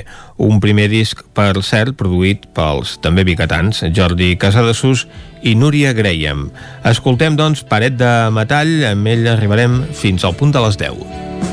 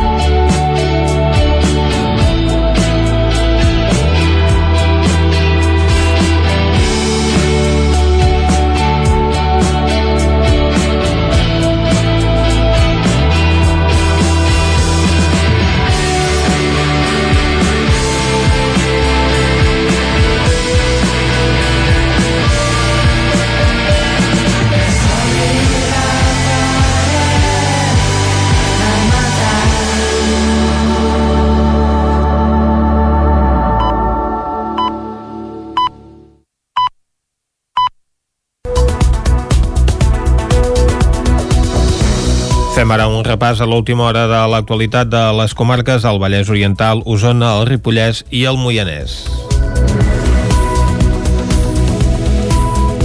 Caldes de Montbui ha tramitat 455 ajuts en matèria d'habitatge. El consistori ha notat un augment de peticions respecte d'altres anys per les conseqüències econòmiques de la pandèmia.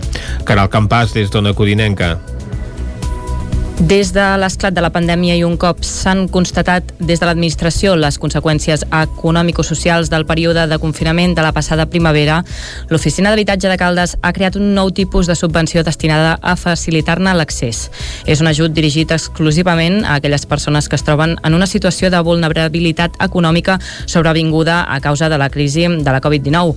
Pel que fa a les peticions a nivell global que incorporen també la prestació de lloguer just, el, la de majors de 65 anys i els ajuts d'urgència, amb el que portem d'any se n'han tramitat un total de 455, la majoria adjudicades. Aquesta xifra encara pot augmentar en els últims mesos de l'any, però ja supera en un 5% el nombre total de tramitacions del passat 2019. En la roda de premsa on s'han donat a conèixer aquestes xifres també s'ha actualitzat la situació dels projectes d'habitatge social en què treballa el consistori. El més avançat és el que s'ha de dur a terme a la sala polivalent situada al costat del centre cívic després de l'aprovació definitiva del projecte en la Junta de Govern local de fa dues setmanes. En l'actual ja s'ha aprovat la proposta de licitació que es preveu que pugui obrir el termini a finals d'aquest mes. Amb la previsió, Jordi Martín, regidor d'Habitatge, ha estimat que les obres podrien començar a principis de l'any vinent.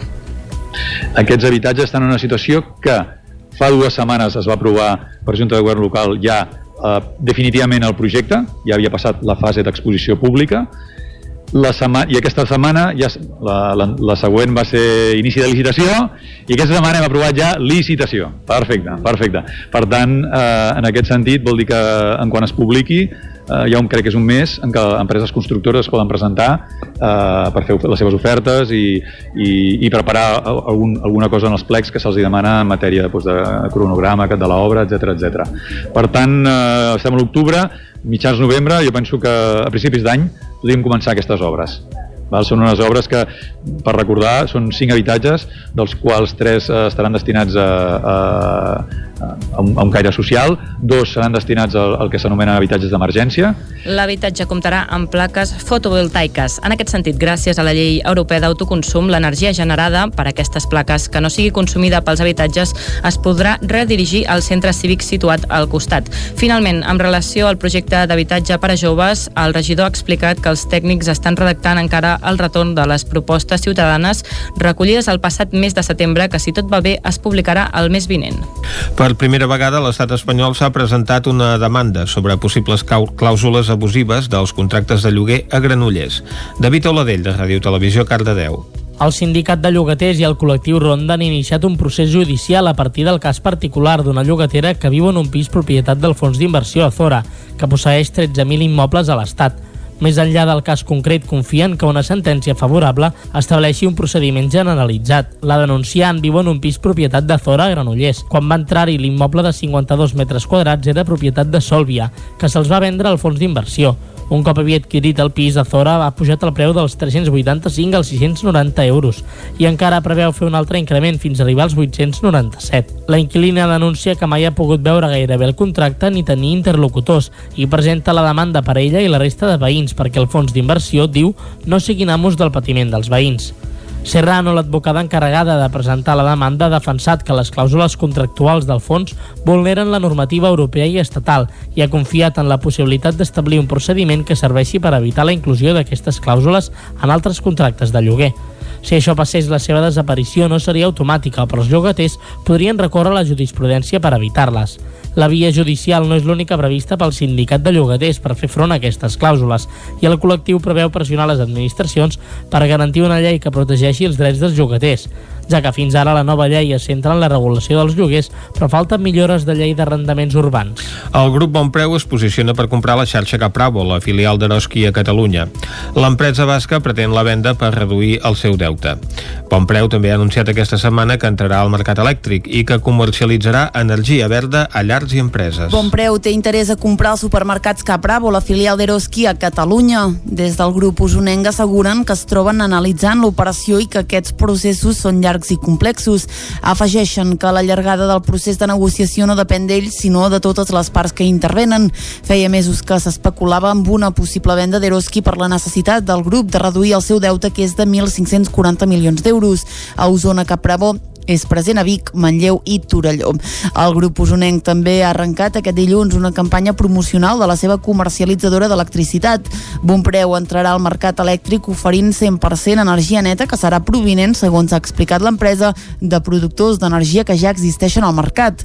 Des del grup apunten que han pres la decisió d'oferir aquest servei perquè pretenen donar resposta a les necessitats quotidianes de la població com és l'alimentació, la gasolina i també l'electricitat. L'Ajuntament de Vic està pendent de trobar el finançament per poder restaurar el pont de Caralt. El projecte està valorat en 130.000 euros. Mentrestant, operaris de la brigada hi estan fent una actuació d'urgència perquè la setmana passada van caure una desena de dovelles d'un dels arcs. Comencen les obres al pont romànic de Caralt pel desprendiment d'una fila d'una desena de dovelles de pedra en un dels arcs. Les mateixes dovelles ja havien estat reparades després de la Guerra Civil. El pont, que és una icona del Vic medieval, està sent reparat provisionalment per efectius de la brigada. Els serveis municipals estan treballant perquè no hi hagi cap perill pel pont i pels veïns, mentre que l'Ajuntament es manté a l'espera d'aconseguir una subvenció per un projecte de rehabilitació de tot l'art del pont. La Fabiana Palmero és la regidora d'Urbanisme de l'Ajuntament de Vic. Hi ha un projecte fet per la Diputació de Barcelona que té uns anys i la voluntat és poder treballar per aconseguir subvencions per poder aplicar-lo i poder renovar el pont eh, més profundament bàsicament restauració, és a dir, reparar esquerdes, eh, consolidar eh, les dovelles, mm, posar les pedres bé, és, és bàsicament restauració. És, serà imperceptible, és aquestes coses de restauració que calen, que s'ha d'invertir i que no es veuen, perquè bàsicament és per eh, restaurar això que ja existia i d'això es tracta el projecte. El grup de defensa del patrimoni ja fa uns anys que havia avisat de l'estat de degradació del pont, sobretot per la manca de, carrer, de carrers a la base del pilar que se sustenta al cantó de la muralla. Ha començat el 26è mercat de la patata del bufet d'Uris, que s'allargarà tres diumenges més durant tot aquest mes d'octubre. L'edició, marcada per la pandèmia, s'ha hagut d'adaptar a les circumstàncies de crisi sanitària. Aquest diumenge va començar el 26è mercat de la patata del bufet d'Uris, el mercat que continuarà durant tres diumenges més es fa als Jardins de la Rectoria de les 9 del matí a les 2 del migdia. L'esdeveniment consisteix en la venda de la collita de patata d'aquest mes de setembre i en activitats paral·leles. L'objectiu dels productors és recuperar el cultiu d'aquest aliment que es va deixar de plantar al territori. Arnau Basco és l'alcalde d'Uris. Bé, aquest any el mercat eh, té les mateixes activitats eh, i els mateixos dies, com, com cada any, és a dir, el Covid no, ens ha, no, no, li ha, no, no ha afectat en aquest sentit. Sí que ha afectat amb algunes eh, activitats com la mostra gastronòmica i la degustació de patata del bufet, eh, però com cada any hi ha activitats paral·leles adreçades als visitants perquè puguin, diguem-ne, gaudir d'una experiència diferent del mercat, a part de venir a comprar patates del bufet i productes eh, de, de proximitat. La fira, com molts altres sectors, s'ha vist afectada per la situació de pandèmia. Tot i això, l'organització s'ha fet càrrec de posar mesures sanitàries per garantir la seguretat dels mercaders i visitants. Les activitats que no es realitzaran enguany són el tastet de patates, la mostra gastronòmica ni la castanyada popular. Aquest diumenge l'activitat protagonista serà la presentació del llibre Història d'un crit de Joan Bonanit. El torrent de la cabana de Camp de Bànol rep 11.000 visitants menys que l'any passat. Isaac Muntades des de la veu de Sant Joan. Aquest dijous, l'alcaldessa de Camp de Bànol, Dolors Costa, va fer una valoració positiva de la temporada d'estiu del torrent de la Cabana. L'Ajuntament va decidir prohibir l'entrada al paratge natural amb algunes excepcions per evitar aglomeracions i complir tots els protocols sanitaris arran de la pandèmia del coronavirus. Enguany, durant els quatre mesos que s'ha tancat el torrent, de juny a setembre, hi han passat unes 14.000 persones quan l'any passat n'hi van venir unes 25.000. Cal dir que l'aforament va reduir-se de 500 a 200 persones diàries. En aquest 2020 com el 2019, el 50% dels visitants van venir durant l'agost i la resta es van repartir pels altres 3 mesos mesos. La principal diferència amb els dos darrers anys és que en aquesta ocasió ha estat l'Ajuntament qui ha hagut d'assumir la gestió de l'espai, ja que no es va poder externalitzar l'empresa Protecta. Aquesta empresa de seguretat assumia totes les despeses i es quedava els beneficis, mentre que enguany el consistori hi ha hagut de destinar una partida del pressupost de 50.000 euros i no n'ha obtingut cap retorn, tret del d'ajudar a establiments turístics de la vila. De fet, al torrent només hi podien entrar aquelles persones empadronades a Can de Bànol, els visitants que pernoctessin en un dels allotjaments turístics del poble, que havien de mostrar un paper a l'entrada de l'espai que els hi proporcionaven aquests establiments, o els ciutadans de pobles que havien signat un conveni com Gombrèn o les Llosses. Aquest fet va provocar certa tensió en alguns visitants, tal com explicava Dolors Costa. Va generar molta crispació perquè se'ns va acusar de discriminació. Bueno, nosaltres ens vam fer un tip d'explicar que això doncs, havia estat una ajuda a un sector econòmic eh, del nostre poble, com és el sector turístic, que durant tot el confinament doncs, havia sofert un impacte molt fort econòmicament. Llavors es va decidir doncs, que la gent que pernoctés en qualsevol establiment turístic d'aquí de Can Davano doncs, pogués entrar lliurement al torrent de la cabana sense tenir de, de pagar res. De fet, cada any se'n viuen de moments tensos, eh? de gent que ve sense informar-se, arriba aquí, esclar, fa potser el viatge des de Barcelona, arriba aquí, llavors li diuen doncs, que, que no pot entrar. I és gent que s'enfada, gent que ho entén, i sí, s'han viscut moments tensos. Des de principis d'aquest mes d'octubre ja s'hi pot tornar a entrar lliurement. Costa va explicar que l'any vinent esperen poder tornar a una gestió externa, ja que si l'any passat hi tenien 16 persones treballant, aquest estiu n'eren molts menys. Entre setmana només hi havia 3 persones contractades pel consistori, dos guardes rurals i un educador mediambiental. Els caps de setmana i sobretot a l'agost la xifra pujava a 7 amb l'ajuda de dos vigilants municipals i la col·laboració altruista de protecció civil. En total s'han posat una cinquantena de sancions per infringir el reglament de l'espai, per acampar a l'entorn del torrent, per portar els gossos deslligats o per aparcar malament. Les multes que enguany han estat menys nombroses oscil·laven entre els 750 i els 2.500 euros per tirar-se un gorg i les cobrava el consistori. La gestió d'aquests darrers anys també ha generat l'interès d'alguns municipis i ens per saber com funcionava, com per exemple l'Ajuntament de Torrelles de Llobregat o el Consell Comarcal del Baix Llobregat.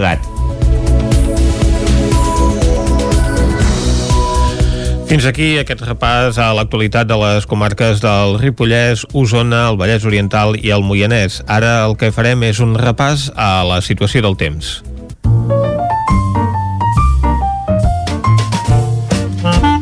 Casa Terradellos us ofereix el temps. En Pep Acosta ja ens té a punt la previsió per aquest llarg cap de setmana. Pep, bon dia. Hola, molt bon dia. I bona hora. Què tal? Molt bon divendres a tots. Atenció, per tercer cap de setmana consecutiu el, estarà dominat per un front de nord. Avui, per això, serà un dia d'impàs, de calma tensa. Han baixat una mica les temperatures, les temperatures ara, hi ha una mica de núvols, però bueno, molt poca cosa.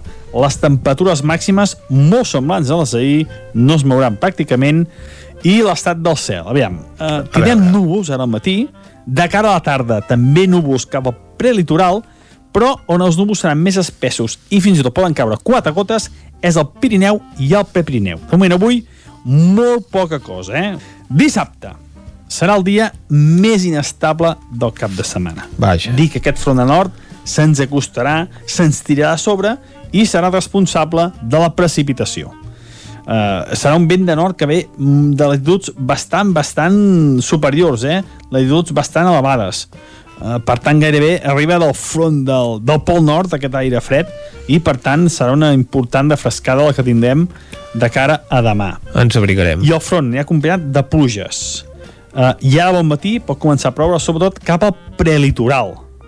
És on hi haurà la pluja més destacada durant el dia. Jo crec que va ploure uh, cap al prelitoral de 20, 30, fins i tot 40 litres. Per tant, la pluja pot ser bastant destacada. Com més cap a l'interior, més cap a Osona, més Moianès, sobretot Ripollès, la pluja anirà eh, anant a menys. Mm, Cada vegada, com ens iniciem més cap a l'interior, no hi haurà tanta, tanta pluja, eh? I poder, pot ploure de 5 a 10 litres com a molt. Les temperatures, com deia, baixaran. I diumenge i dilluns seran dos dies molt més tranquils, menys inestables, poder algun ruixat cap a les zones de muntanya diumenge, dilluns sí que cap, molt més estables, però atenció que la refrescada serà notable. Moltes gràcies, adeu. Moltes gràcies, Pep. Doncs prenem nota d'aquests consells perquè sembla que el temps canviarà en els propers dies. Ara nosaltres anem cap a l'entrevista al Territori 17. Casa Tarradellas us ha ofert aquest espai. Territori 17. Envia'ns les teves notes de veu per WhatsApp al 646 079 023. 646 079 023. WhatsApp Territori 17.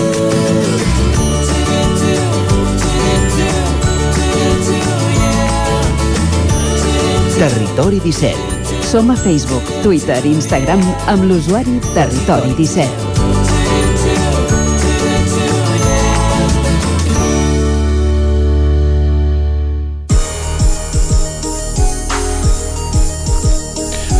Ara mateix és un quart d'onze. El darrer cap de setmana es va produir una baralla multitudinària amb gairebé un centenar d'implicats a la zona d'oci nocturn de Ripoll, al voltant de la plaça Gran. Un fet que ha fet aflorar definitivament l'incivisme a la capital del Ripollès, que aquests darrers mesos s'ha vist incrementat arran de la sortida del confinament. A més, en el darrer ple municipal, el grup municipal d'Esquerra Republicana de Catalunya va fer un prec a l'equip de govern perquè solucionés algunes mostres d'incivisme a la zona de la plaça de Sant Eudal. En parlem des de la veu de Sant Joan, amb l'Isaac Muntades. Bon dia.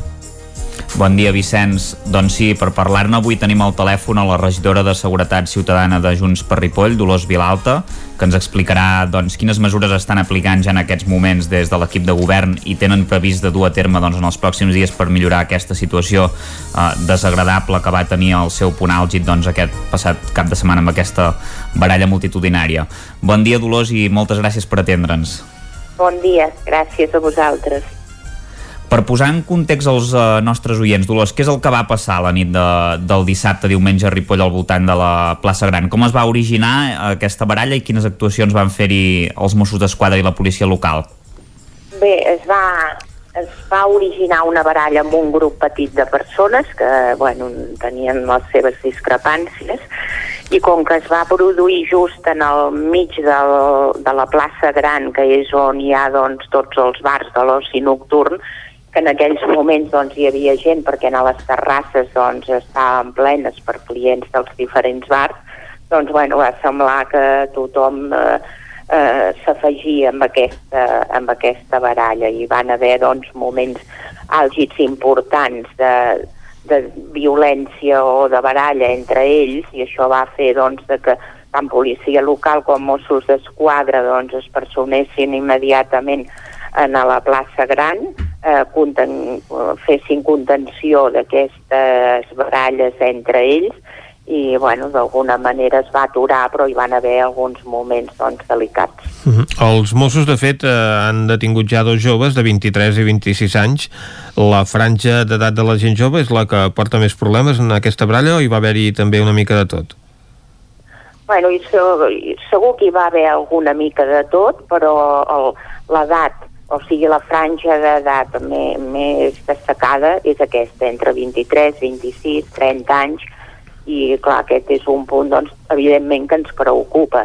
I és un punt que ens preocupa des de fa molt de temps, perquè l'Ajuntament sempre, tant en el, en el tema de que hi puguin haver baralles com en el tema de l'incivisme, ja ha estat treballant. Treballant a través de campanyes periòdiques, eh, treballant en temes de sensibilització.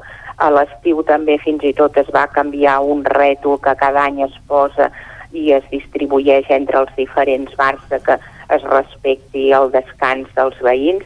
Vol dir que no és, un, no és que l'Ajuntament hagi començat a treballar amb aquest tema ara perquè hi hagin hagut aquestes incidències. L'Ajuntament sempre ha tingut com a objectiu una, que evidentment hi hagi una convivència pacífica entre tots, que la gent doncs, pugui sortir de dia i de nit i que no tingui cap problema, se senti còmode i pugui socialitzar-se, que és el que tots volem.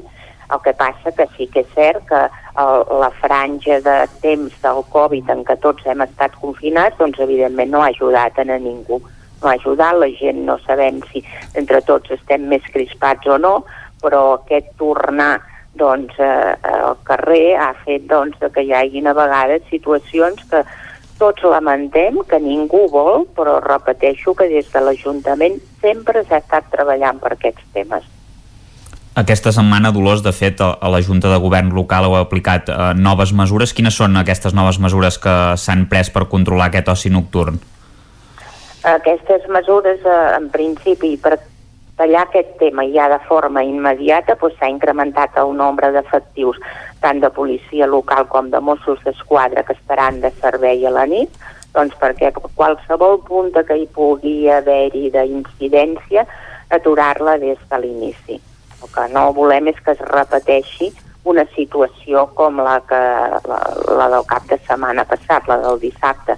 Eh, no pot ser que un grup de 10 persones arrossegui a tot un conjunt que pot arribar a 70, 80 o 100 persones. És que això és lamentable i això ho hem de tallar i de moment pues, eh, eh, tot i que nosaltres doncs, ens agrada més la vessant educativa i pedagògica, aquesta cap de setmana, i tots els següents, fins que no hi hagi una certa estabilitat d'aquest tema, el nombre d'efectius s'incrementarà. Mm -hmm. Perquè no sé si aquesta és una de les mancances que pateix el Ripollès, no? Fa unes setmanes, coincidint amb els dies que s'havia de celebrar la Festa Major de Camp de Bànol, doncs també hi va haver un problema amb una botellada que organitzaven doncs, un grup bastant nombrós de joves i allà es va posar de manifest doncs, que els Mossos d'Esquadra només disposaven d'una sola patrulla nocturna per tota la comarca. Eh, aquesta és una reivindicació que hem fet sempre. Entenem que el nombre d'efectius de Mossos d'Esquadra s'ha d'incrementar. De fet, al principi, en l'any 91-92, quan hi va haver la comissaria aquí de Mossos d'Esquadra, tenia un nombre d'efectius molt més gran del que té ara. També hem de dir que Interior d'alguna manera ens ha escoltat i que ja fa doncs, un parell de mesos, tres, hi han efectius nous que estan en pràctiques, que són els que van sortir doncs, a l'escola ara en el mes de juliol i que els van destinar a Ripoll. També és cert doncs, que els caps de setmana ja fa molt de temps que es fan patrulles conjuntes, policia local i Mossos d'Esquadra. Per això dic i repeteixo que tant des de l'Ajuntament com des d'interior s'està treballant perquè no hi hagin incidències ni aldarulls com els del dissabte passat. En el darrer ple, Dolors, eh, des del grup d'Esquerra de, Republicana també es va demanar que s'abordés el tema de, de l'incivisme, sobretot també al voltant de la, de la plaça de Sant Eudal, que està força prop també de, de la plaça Gran, des d'una perspectiva pedagògica, i de fet des de l'Ajuntament ja, ja ho teniu previst així, i veu posar la figura d'un educador de carrer que no va poder eh, treballar molt pel tema del Covid però que fa uns mesos s'ha recuperat no sé eh, com funciona aquest educador de carrer i em sembla que es va comentar que s'ampliaria el seu horari, oi? Sí, això és cert el que nosaltres des de l'Ajuntament la, la figura de l'educador de carrer el tenim des de l'any 2019 i de molt abans tenim la figura de l'agent cívic val? però l'educador de carrer el que té doncs, és un vincle més directe amb els adolescents, que són doncs, els que de forma reiterada doncs, fan actituds incíviques i en concret és cert a la plaça Sant Eudal. També és cert que eh, pel mes de febrer doncs, ja s'havia fet un vincle entre l'educador de carrer i aquest grup i d'alguna manera s'havien derivat ja en el galliner perquè bueno, en allà poguessin fer activitats o tinguessin un lloc on trobar-se i on poder doncs, manifestar les seves inquietuds. Això lligat amb el tema del lleure a les places, que també és important perquè vol dir que cada dia de, a la tarda, a la sortida de les escoles, doncs per persones professionals, en concret monitors, es fan lleures a les diferents places de Ripoll, doncs perquè en aquí també doncs, tinguin una activitat i també doncs, facin un vincle. Sí que és cert que amb el Covid doncs, es va trencar aquest lligam que hi havia entre educador de carrer i adolescents, però el fet de que tots vam haver de quedar confinats i que de fet ara s'ha tornat eh, engegar doncs, tota aquesta activitat o tot aquest treball de l'educador de carrer. I les hores ja les vam ampliar des d'aquest mes de setembre com mm. també el que vam fer doncs, és canviar una mica l'horari d'aquest educador de carrer per tal de que també el vincle el puguem fer cap a la tarda vespre és quan doncs, potser hem detectat que hi han hagut aquestes actuacions incíviques. Mm, per... Tot, tot ho treballem per, per, per evitar doncs, que hi hagin situacions que violentin a, a la gent en general també per, per escoltar exemple... aquests nois, per saber quines són les inquietuds i fer actuacions, tallers o activitats que els hi puguin ser atractives i puguem, doncs, reconduir aquesta situació. Per exemple, una altra situació ara que comentaves d'incivisme és el tema de, de la ingesta d'alcohol a via pública, el conegut botellón. No sé si heu aixecat algunes actes per aquest tema, Dolors. Sí, s'han identificat persones que feien el botellot, s'han aixecat actes, tant per aquest tema com per el fet de que es, es circuli pel carrer sense portar mascaretes i evidentment s'han incoat els expedients eh, corresponents des de la, del punt de vista administratiu. També vull destacar que, que dirigit doncs, també amb tota aquesta situació que estem comentant, Eh, des del mes de setembre tenim una unitat canina que ve a diferents dies i més, el més probable és que continuï venint a les nits, però que també doncs, durant el dia volem que tingui visibilitat doncs, perquè també faci una funció eh, educativa de cara al jovent, de que es vegi doncs, de que la, la ingesta d'alcohol o la ingesta de drogues doncs, no és el més eh, adequat o les conseqüències de que aquesta ingesta pot tenir. Mm -hmm. I també hi ha problemes amb els gossos perillosos, no? I amb les bicicletes que circulen doncs, a gran velocitat. No sé si en aquest àmbit s'han pogut prendre mesures, identificar els propietaris o alguns dels ciclistes. Mira, pel, fa, pel fet de, de, ai, pel tema dels gossos perillosos s'han aixecat moltes denúncies que han passat pel ple perquè és el que té la competència per imposar la sanció corresponent.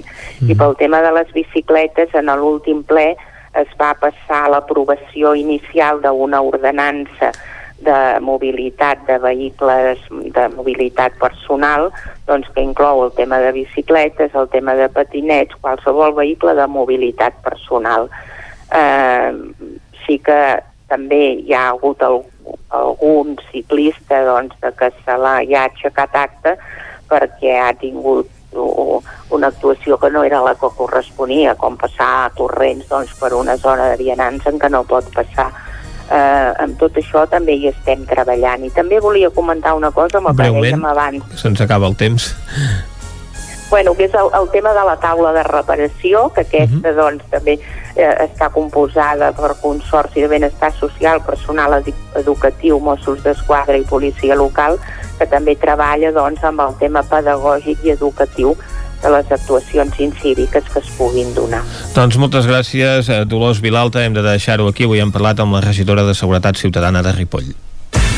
El nou FM, la ràdio de casa, al 92.8. Vine a la Sagrera de Centelles. Tenim un ampli assortit de tapes i plats de forquilla. Les nostres patates braves són l'especialitat de la casa. Bombes, callos i les millors hamburgueses completes de vaca madurada. A la Sagrera hi trobaràs el personal més atent per poder gaudir d'un bon àpat. També som a Instagram amb l'usuari La Sagrera Centelles. Anuncia't al 9FM. La màquina de casa. 9 3 8 8 9 4 9 4 9. Publicitat arroba al 9FM.cat. Anuncia't al 9FM. La publicitat més eficaç. Passema, comercial de maquillatge i utillatges. Novetat Velcro, ús general, força extrema, extra fi, cables, terres, altes temperatures, ultrafort. Recorda, novetat Velcro exclusiu a Osona. Passema, som al polígon Sot dels Pradals, al carrer Cervera 10 de Vic. Telèfon 93 885 32 51. Passema.com Calçats Mariona. Tenim les últimes novetats tant per home com per dona. Atenció personalitzada. Us ajudarem a trobar el millor calçat. Obrim de dimarts a dissabtes i també diumenge al matí, coincidint amb el mercat setmanal. Calçats Mariona. Som al carrer Socors 21 de Centelles. Telèfon 603 59 10 13. També ens trobaràs a Facebook i Instagram. Cocodril Club. Si t'agrada la bona música dels anys 60, 70 i 80, escolta el 9 FM als matins de dissabtes i diumenges d'11 a 1.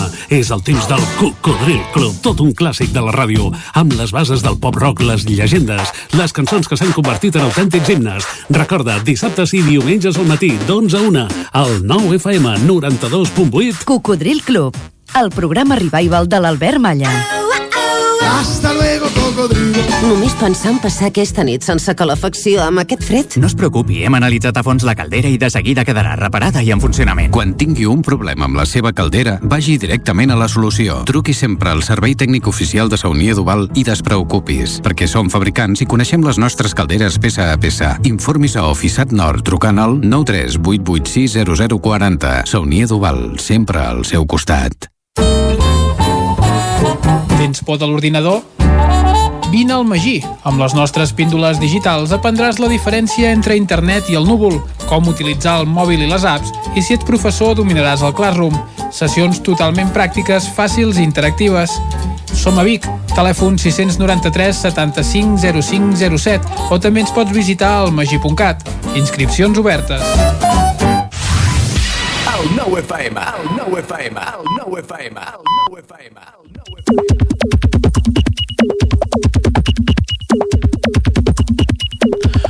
Són dos quarts onze i ara anem a veure què és el que s'està dient per Twitter amb l'Isaac Moreno.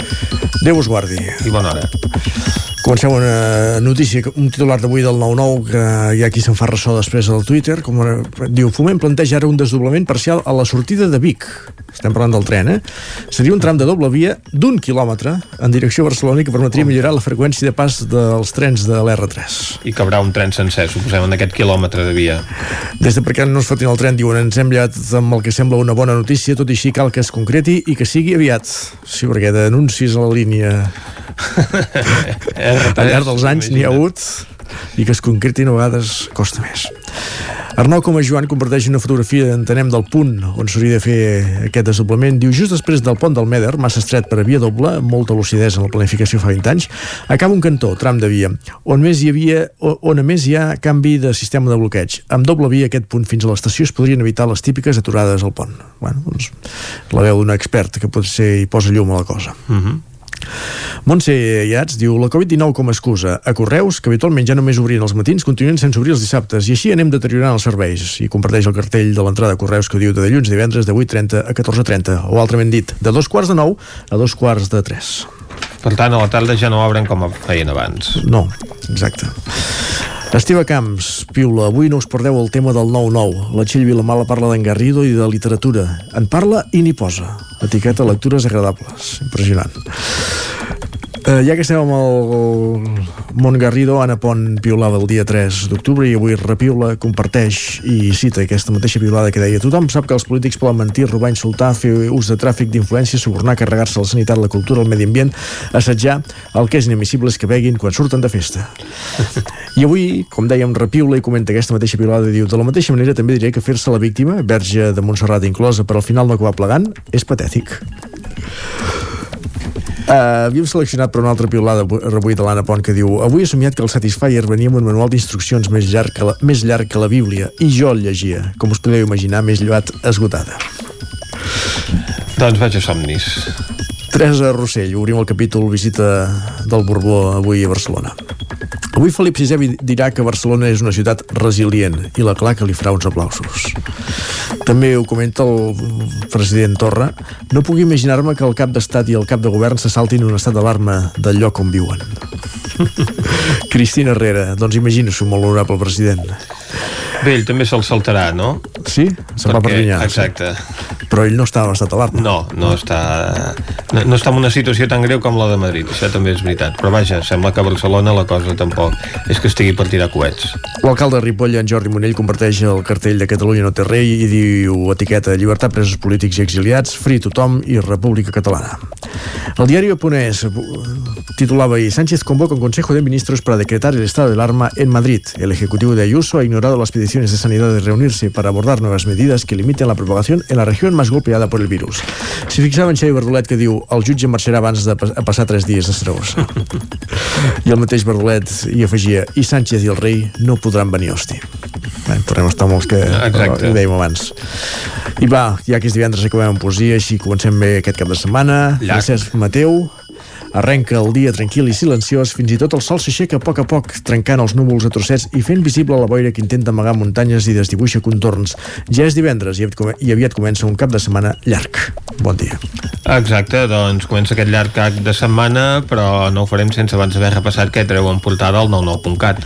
Doncs vinga, provem-ho. Comencem per l'edició del Vallès Oriental del 99.cat. L'edició verda encasten un cotxe per robar la nova botiga Orange del centre de Granollers, Manu Montmeló posa en marxa el centre de dia de Can d'Otres, el jutge absol els càrrecs d'Esquerra de Mollet del delicte de calúmnies i injúries a l'alcalde i una trentena d'avis d'una residència de Lliçà de Vall donen positiu i són traslladats. Carreguem ràpidament l'edició vermella, la d'Osona i el Ripollès, perquè aquesta hora destaca Garrido continuarà d'alcalde a Manlleu, Foment plantejarà el desdoblament parcial de l'R3 a la sortida de Vic i Guillem Illa de Santa Eugènia de Berga a Boston, una de les cròniques que podem llegir a l'edició digital del 9-9. Molt bé, doncs gràcies per aquest repàs, Isaac. Nosaltres anem a la taula de redacció. Bon dia.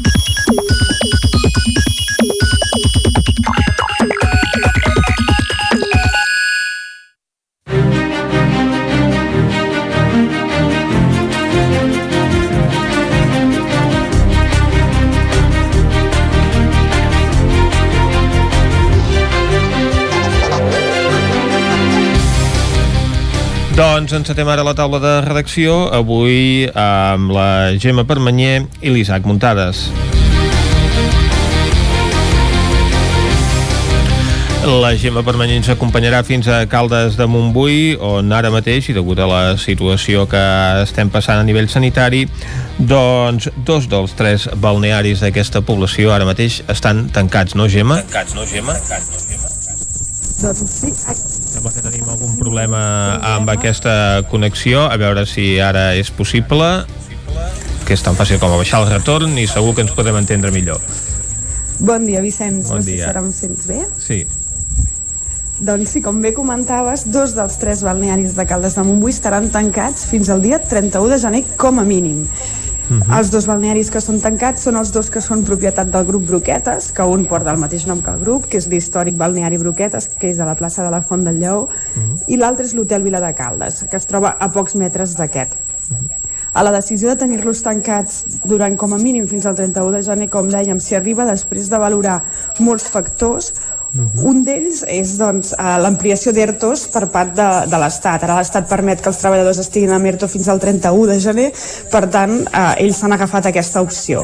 Una altra opció que eh, han contemplat és el, el desenvolupament de les reserves, perquè ells sí que diuen que tindran els dos hotels tancats Mhm. fins que eh, eh, eh, fins que no, excepte si tenen reserves de grups molt grans. Per exemple, la setmana passada van tenir un dels dos hotels oberts per atendre un dels grups de MotoGP que estaven al circuit de Catalunya, perquè era una reserva de 25 persones.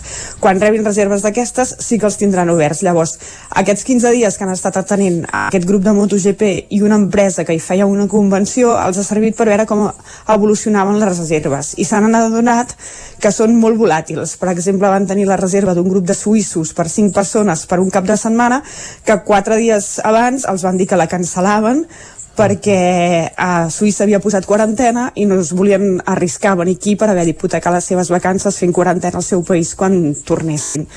D'altra banda, el programa Inserso, que és el que els nodreix de clients fidels durant tot l'any, també ha estat cancel·lat, que és un Mhm. altre motiu pels quals doncs, no tornaran a obrir, i després que el, el client particular de Barcelona i Primera Corona, que també doncs, està venint, ve només el dissabte, i han fet un, un estudi de costos i han vist que els, els surt més barat tenir el balneari tancat Uh -huh. que tenir-lo obert i assumir aquestes pèrdues. Clar, evidentment, ni que sigui només el, el dissabte. Evidentment no surt a compte haver d'obrir la instal·lació per un sol dia a la setmana, no? Sí, a més estem parlant d'un balneari que és històric però que s'havia rentat la cara. Ah. Els propietaris han invertit 600.000 euros cada any al llarg dels últims 4 anys. Estava previst acabar aquest cicle de, de reformes aquest any 2020, però evidentment la inversió de 2020, que també era de 600.000 euros, no s'ha fet. Uh -huh.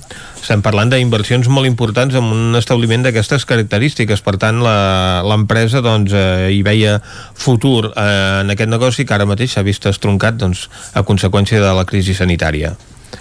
Això deixa a 34 persones amb MERTO, Mhm. com a mínim, fins al 31 de gener. Uh -huh. I imaginem-nos, per tant, doncs, quina és la situació a Caldes, on recordem que era un sol balneari obert ara mateix, que aquest sí que funciona amb normalitat. Sí, queda obert el balneari Termes Victò- Victòria, que funciona amb normalitat, i després hi havia aquells banys públics, el safreig, que són propietat de l'Ajuntament, que tu pots pagar una entrada i anar a fer un bany més breu, que segueixen tancats aquests també. I no hi ha de manera que si previsió... algú vol posar... No hi ha previsió d'obertura. L'Ajuntament no ha parlat de quan eh, tornar a reobrir aquest servei. No, no, encara no, encara no. Mhm.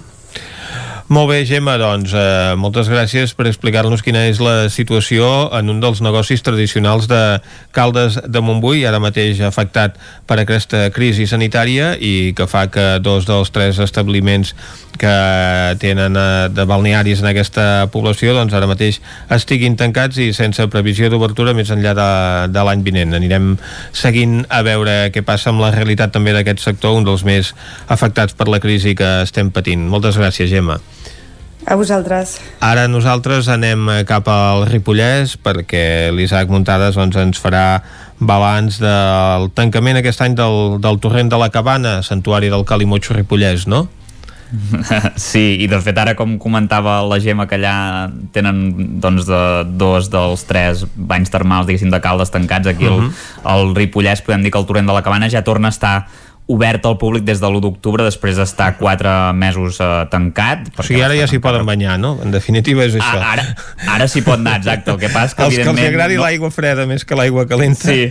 ho poden els provar que els agradi congelar-se i, i, i agafar una hipotèrmia doncs hi poden anar-hi eh, jo no recomanaria el bany en, en aquesta època perquè ja comença a fer fred al Ripollès i evidentment doncs eh, per desgràcia doncs, durant els mesos de més bonança doncs, com us comentava del juny al setembre ha, ha estat tancat, es va fer així doncs, per, per, per al protocol sanitari de la Covid-19 es va preferir no arriscar doncs, a que la gent pogués accedir eh, en aquest paratge natural i es va decidir eh, tancar el torrent de la cabana amb excepcions, perquè evidentment sí que hi ha hagut visitants. Uh -huh. L'any passat, per fer-vos una comparativa, n'hi va haver 25.000 en aquests 4 mesos i en el mateix període d'enguany han set 14.000. Per tant, això és eh, 11.000 visitants menys, que és gairebé un 50% respecte a l'any anterior, que, que es diu aviat perquè recordem que l'aforament doncs, es va limitar de, de 500 persones que hi havia uh, uh -huh. diàries que hi podien accedir durant aquests mesos a, a 200, per tant a més de, a més de la meitat I, i ara us explicaré per què hi pot anar-hi gent que clar, si el paratge està tancat per què hi pot anar-hi gent? Doncs perquè hi havia excepcions hi havia les excepcions de la gent que estava empadronada a Can de Bànol, que aquesta gent sí que ja ha pogut anar-hi.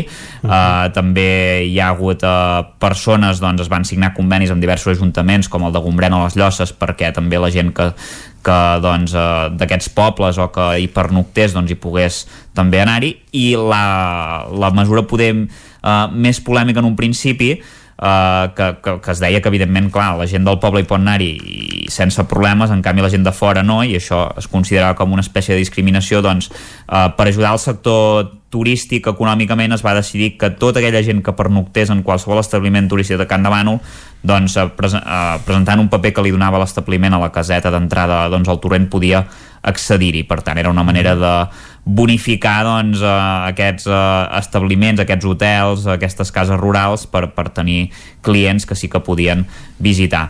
Eh, com a coses destacables, eh, hi ha hagut una cinquantena de multes, són menys que, que els anys anteriors, evidentment, perquè hi havia molta menys gent i multes principalment doncs, eh, les típiques que hi ha, eh, per portar el gos deslligat, per aparcar malament, també per l'acampada, que és un dels altres uh, problemes que té a vegades el, el torrent, que la gent hi, hi, hi passa la nit i, i, i acampa allà i això està uh, prohibit. I, i bàsicament eh, això també doncs, eh, ens van comentar que el, aquest any el servei s'havia hagut de tornar a assumir per part de l'Ajuntament. Feia dos anys que s'externalitzava una empresa que, de seguretat que es deia eh, Protecta i això aquest any no ha estat així ho ha hagut d'assumir l'Ajuntament. Això ha suposat doncs, que eh, l'Ajuntament ha hagut de posar-hi 50.000 euros de pressupost que era molt perquè evidentment doncs, contractant una empresa externa eh, pagaves molt menys però certament tampoc t'emportaves eh, cap mena de benefici perquè aquesta empresa assumia les despeses i, i s'emportava els beneficis. Sí, perquè ho ha deixat però, de fer, doncs? perquè quan es va licitar doncs, aquest procés l'empresa no li sortia a compte i va decidir no, no presentar-se.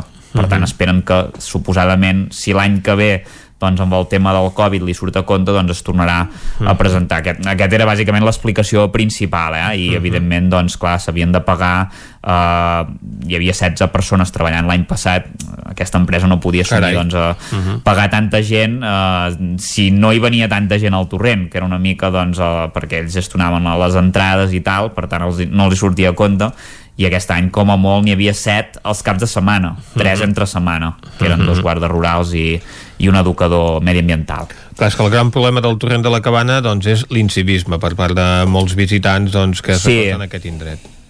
Sí, sí, és l'incivisme.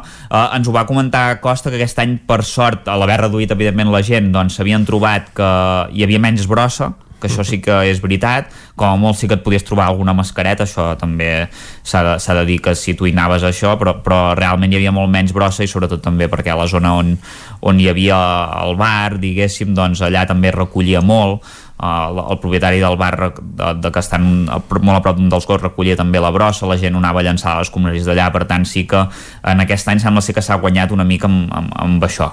Uh -huh. mm. Doncs moltes gràcies, Isaac, per aquest balanç de quina ha estat la temporada de tancament del torrent de la Cabana de Camp de Bànol. Amb aquest tancament del torrent de la Cabana tanquem ten també avui la taula de redacció que hem fet en companyia de l'Isaac Muntades i de la Gemma Permanyer.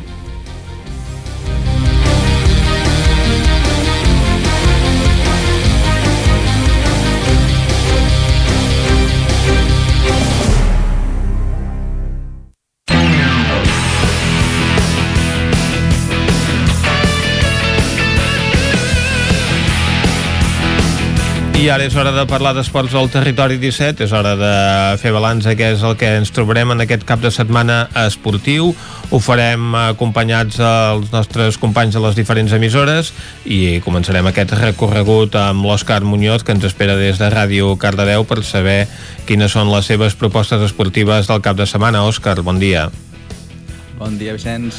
Doncs aquest cap de setmana que hi torna, hi torna a haver esport. Sí, i comencem pel primer equip masculí de futbol de Caradeu, que uh -huh. s'estrena a segona catalana aquest diumenge i ho farà contra la Torreta a les 12 del migdia al municipal de Cardedeu. Uh -huh. Així que molta sort al primer equip. Ja vam recordar que, que, que la primera jornada doncs, descansava el primer equip del Cardedeu i per tant s'incorpora a la competició a la segona jornada. Exacte. El que va jugar ja un partit abans és el filial que torna a jugar contra el Vilamajor aquest dissabte a les 5 al camp del futbol, bueno, del futbol municipal de Joan Nicolau, uh -huh. a casa del Vilamajor. A l'handbol, el primer equip femení de la Lliga Catalana jugaran a casa de l'Escot dissabte a 3 quarts d'una. I diumenge faran la tornada a Cardedeu a les 12. Uh -huh.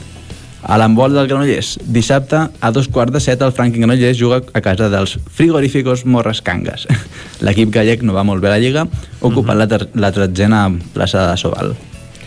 Doncs I per acabar... hi ha més sort que en aquest últim partit, no? Que van Exacte, perdre l'últim sí, moment. Van a l'últim moment. jo crec que aquest sí que tenen més possibilitats. A veure, doncs. I per acabar, no ens movem de Granollers perquè dissabte tenim el Campionat de Catalunya de relleus de promoció, sub-10, sub-12, sub-14 i sub-16. Estaran allà a les pistes municipals d'atletisme de Granollers i comença l'esdeveniment a les 9 del matí. Per tant, l'atletisme que també va tornant a la normalitat. Exacte. No només Tothom, estem parlant dels participants... Equip, exacte, sinó que també eh, l'atletisme, doncs, les competicions de pista que també van recuperant doncs, la feina que quedava pendent d'aquesta temporada. Exacte.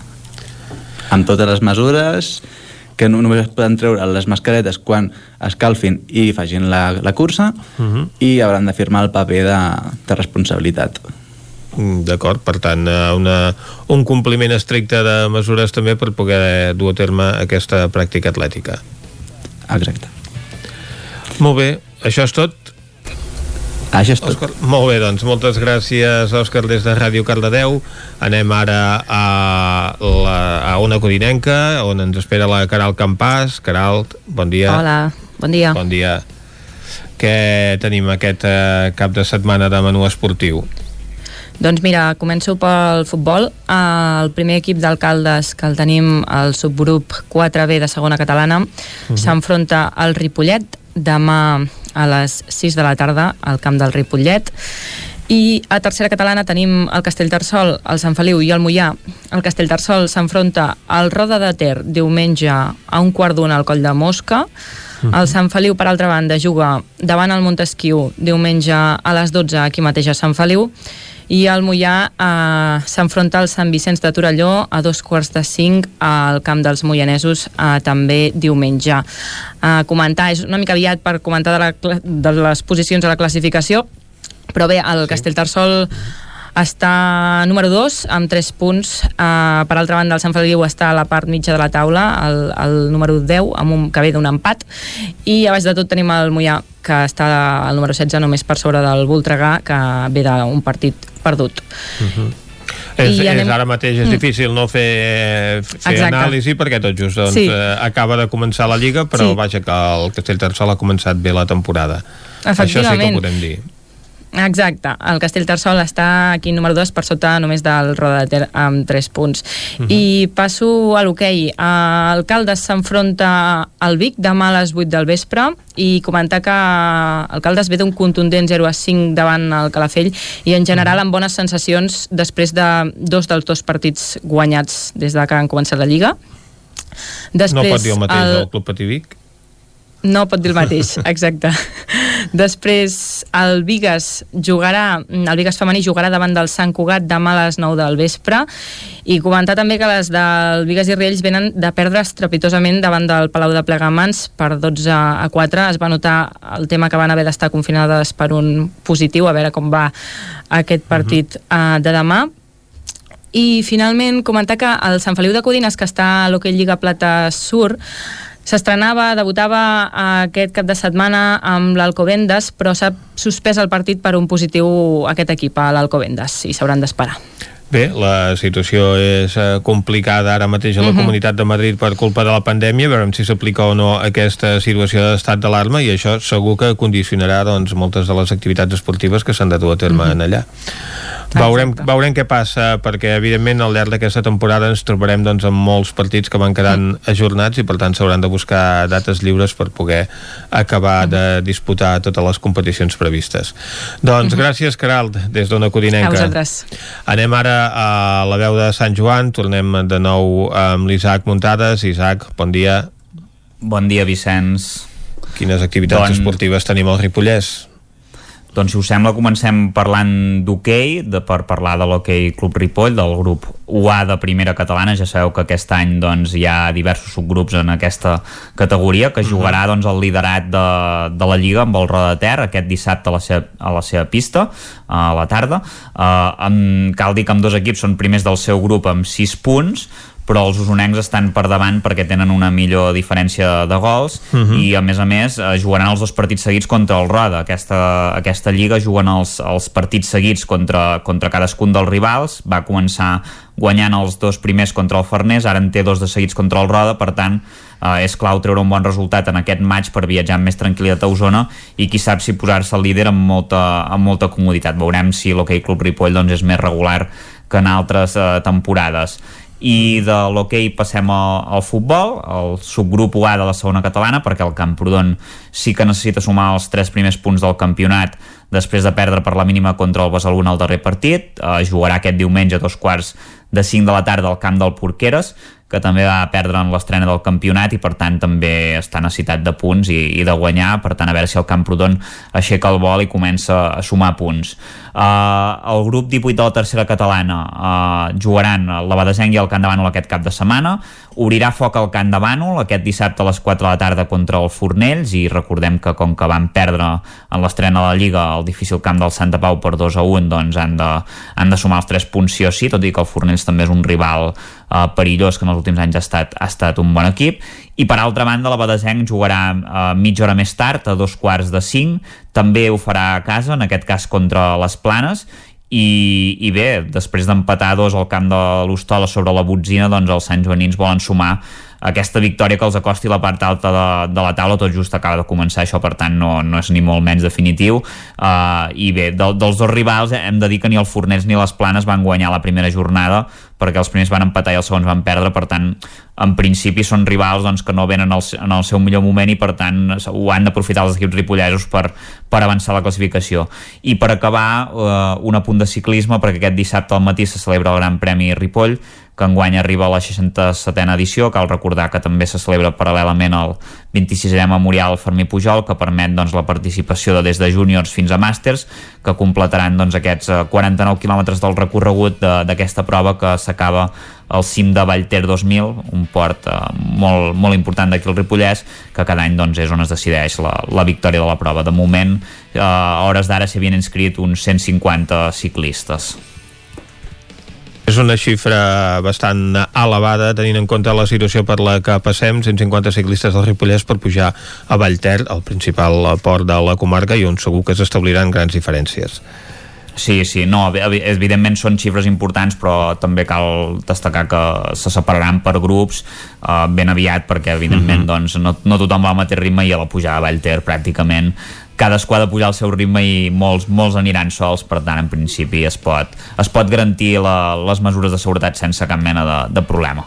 Doncs a veure si t'hi veiem, Isaac. Moltes gràcies per aquest repàs esportiu del Ripollès. Anem nosaltres ara a la comarca d'Osona. Si la setmana passada us parlàvem de derbis, em sembla que aquesta setmana hi hem de tornar, no, Esther Rovira? Bon dia, sí. Uh, segurament aquest any serà més de derbis que, que mai, perquè entre l'hoquei i el futbol, tant a primera com a segona catalana, perquè uh, hi ha quatre equips uh, usonencs, uh, tant a la primera com a la segona catalana de, de futbol, a banda de tres a, a l'hoquei Lliga, uh, per tant, sí, molts derbis. Exacte. I el plat fort d'aquesta jornada és el de futbol entre el Vic i el Manlleu, a la primera catalana, en aquest També el clàssic, eh? UA. Com la setmana passada ho era amb l'hoquei entre el Voltregà i el Vic, doncs també el clàssic derbi de futbol. N'hi ha molts, però el Sí. que és per excel·lència és uh, aquest. Els de el- la gran rivalitat són aquests. Ets aquests.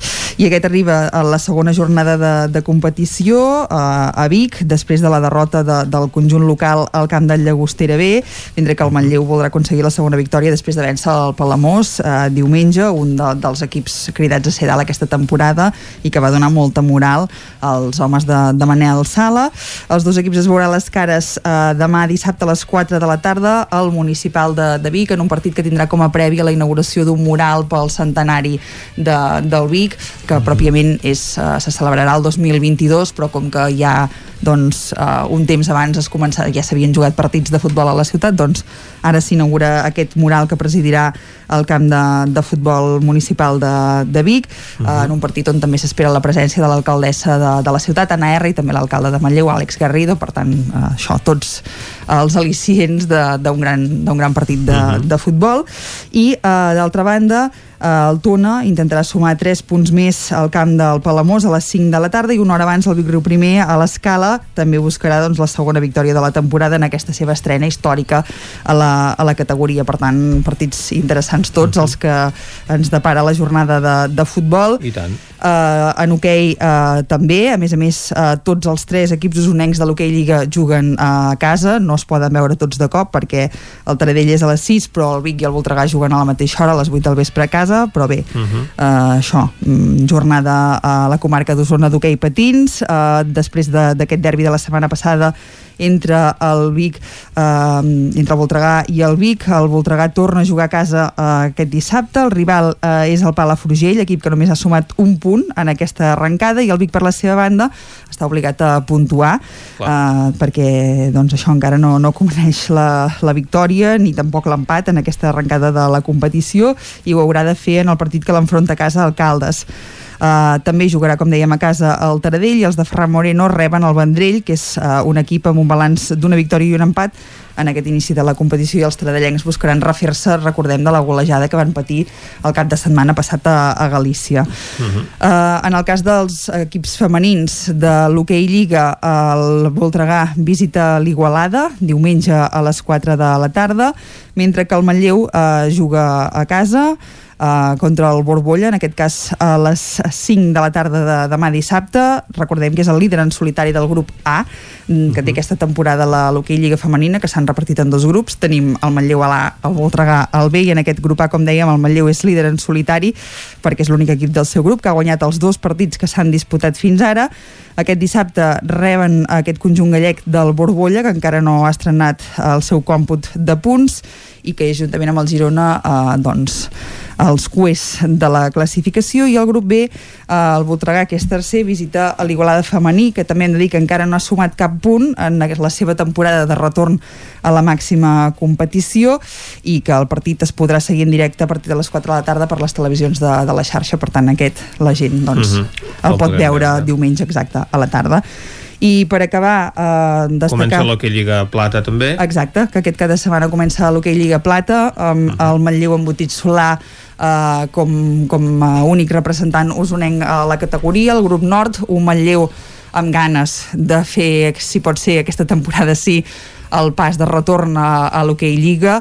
Uh, l'equip fa anys que, que ho intenta ha pujat, ha baixat uh, però tenen ganes de fer un pas, consolidar-se aprofitar aquestes generacions de joves eh, doncs, que han donat molt bons resultats a, al club, que són habituals de les seleccions en les diverses categories i aquest any doncs, esperen uh, finalment uh, poder fer el pas. Recordem que l'any passat, uh, quan es van suspendre les competicions a causa de, de la pandèmia, uh, eren segons però empatats a primera posició i només amb un gol de, de diferència. Això va fer que no poguessin uh, pujar perquè uh, doncs pujaven els dos primers i els altres dos havien de fer un play-off, però es va decidir que no hi havia descensos de l'hoquei Lliga, però mm -hmm. només pujaven els dos, els dos primers aquesta temporada eh, la competició eh, el que faran és també pujar els dos primers de cada grup de l'hoquei Lliga Plata però després els mm -hmm. dos segons faran un play-off amb l'11è i el 12è perquè de l'hoquei Lliga baixaran els quatre últims classificats per tant eh, en aquest cas és important acabar en primera posició perquè la segona anirà molt més cara perquè no jugar contra l'últim o, o el penúltim sinó Clar. contra un 11è o un 12è de, de l'hoquei Lliga no? que, que segurament serà més, més complicat uh -huh. uh, però bé això, Manlleu amb moltes ganes de, de mirar amunt i just per acabar dir que aquest cap de setmana també comença el Campionat de Catalunya de Gimnàstica Artística que és l'última l'única competició que es farà aquest any uh -huh. uh, a causa també de la, de la situació uh, sanitària uh, aquest cap de setmana es comença al pavelló de, de l'Ausoneta amb les categories de base uh, i també d'escolars de, i després en següents caps de setmana s'han de definir les seus però podria ser que Vic també en tornés a acollir amb altres categories, entre les quals la bioolímpica, que, que són les, les mm -hmm. més destacades. Molt bé, doncs moltes gràcies, Esther. Tanquem aquí el repàs esportiu del cap de setmana.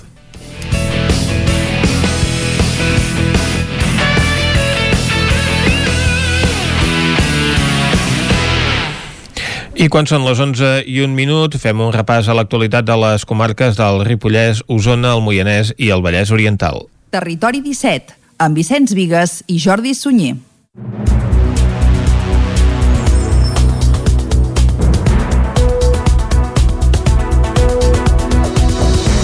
Àlex Garrido s'ho ha repensat i finalment no dimitirà com a alcalde de Manlleu. Després de dos dies reclòs a Montserrat, aquest dijous va emetre un comunicat on deia que finalment ha reconsiderat la seva decisió d'abandonar l'alcaldia després de la mobilització que va comportar el seu anunci de dimissió arran de la publicació d'un vídeo d'ell en estat ebri gravat el passat mes de juliol en un bar de Platja d'Aro.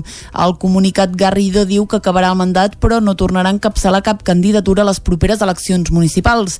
L'alcalde de Manlleu però va més enllà i planteja un debat sobre l'exemplaritat dels representants polítics i els límits entre la seva vida pública i privada. Per això mateix presentarà al proper ple una proposta de país per fer una jornada de reflexió col·lectiva de primer nivell per abordar aquest debat. El Departament de Salut ha congelat la reobertura de l'oci nocturn, una decisió que aquest dimecres feia pública la consellera de Salut, Alba Vergés, i que vol donar resposta a l'augment de l'índex de rebrot. Nou revés a l'oci nocturn, Salut ha fet marxa enrere i ha decidit congelar la reobertura del sector que dimarts anunciava el Procicat, un gir de guió que el departament feia públic 24 24 hores després d'anunciar les noves mesures del Pla de Protecció Civil al·legant l'augment de l'índex de rebrot a Catalunya. La proposta del Procicat permetia als locals d'oci nocturn obrir fins les 3 de la matinada amb unes condicions que el sector d'entrada no va aprovar. La més controvertida, la que obligava a ocupar la pista de ball amb taules i cadires. Ramon Portet és el gerent del grup Vic. És que no podem treballar així, no podem. Escolta, si tu tens un restaurant deus poder servir menjar, no? Si vas a un cinema poder veure una pel·lícula. Discoteca. Aviam, algú no entén què diu aquesta paraula? Discoteca, discos, discoteca, música. Música, va? Sí, no sé, què et vols fer treballar? Com un bar? Un escenari que deixa l'oci nocturn en una situació encara més extrema que la dels locals, eh, que la que els locals, perdoneu, ja van haver d'entomar amb la proclamació de l'estat d'alarma, denunciant la manca d'ajudes en un sector que a Catalunya dona feina a més de 37.000 persones. No vaig explicar jo la tragèdia que és això, d'acord? De gent que no cobra, que cobra malament, que de més i que tal. Nosaltres, els impostos són els mateixos, els lloguers, la llum, eh, tot tots els gastos generals, tot, tots els gastos generals. Portet gestiona cinc locals d'oci nocturn a Osona. A la fase 3 de la represa va poder obrir una nit les carpes Vic Estiu. Des de llavors té tots els locals tancats. Ara espera que les autoritats competents trobin la fórmula per poder reobrir amb condicions, tot i que alerta, si tarda gaire en arribar la gran majoria de locals, no ho podran tornar a fer. Caldes de Montbui alerta de l'augment de les infraccions en l'abandonament de residus. Caral Campàs, des d'Ona Codinenca. El consistori calderí ha detectat un augment de males pràctiques de forma reiterada en la majoria de punts de recollida selectiva de la vila. En aquest sentit, des del consistori afirmen que gairebé cada dia han de destinar un camió especialitzat per tal de netejar els entorns i que no es vagin acumulant els residus abocats al carrer que van des d'electrodomèstics i mobles fins a deixalles orgàniques abandonades fora dels contenidors. Aquest servei públic té un cost de 100.000 euros anuals. Jaume Mauri, regidor de Serveis Municipals, alertava del que ell considera els dos problemes principals que pateix el poble com a conseqüència d'aquests abocaments incontrolats. Dic d'actuar amb fermesa perquè tenim dos problemes molt greus, conseqüència d'aquests abocaments. Un és l'incivisme que provoca que hi hagin vies com per exemple voreres que estiguin tallades per aquests abocaments, posant en perill els vianants que han de sortir de la vorera per caminar per les zones de la, dels vehicles rodats, i, la, i una altra de salut pública. Avui s'han convocat aquí a Can Valls perquè d'una manera eh, evident podem veure com eh, davant dels abocaments doncs veiem com unes 15, uns 15 nius de rates. Aquí els veiem d'una manera evident perquè fan els caus dins de la terra, Uh, però en el municipi doncs, surten de les clavegueres, surten dels, dels, uh, dels sobreixidors i, i el que estem fent és donar aliment a plagues que poden portar problemes greus de salut pública. Per pal·liar la situació des de principis d'any s'han interposat un total de 43 denúncies. D'aquestes, unes 20 des del juliol i 5 ahir mateix, quan l'Ajuntament va informar en roda de premsa de la situació. Les sancions poden comportar de 100 a 300 euros de multa segons si la persona és o no reincident. Tot i això, veient que els resultats no milloren i que un dels principals problemes és l'anonimat dels autors de la infracció, des del consistori han decidit aplicar noves mesures. Nosaltres hem preparat un dispositiu mòbil a la qual anirem en tot amb els punts negres amb una càmera de videovigilància. I les imatges que es vegin amb persones amb el cotxe deixant els residus en un lloc inadequat, que no sigui dins dels contenidors, estarà denunciada. Durant aquestes, aquests mesos tindrem un dispositiu mòbil amb un vehicle que anirem aparcant en segons els llocs eh, que siguin els més conflictius i anirem doncs, identificant els incívics. Les zones més afectades per aquest abandonament incontrolat de deixalles són sobretot la part de darrere el Tin i les urbanitzacions. Un altre dels punts negres que hi ha al poble és l'encreuament del carrer Calderón de la Barca amb Sabadell, que es fa intransitable per l'abocament de mobles.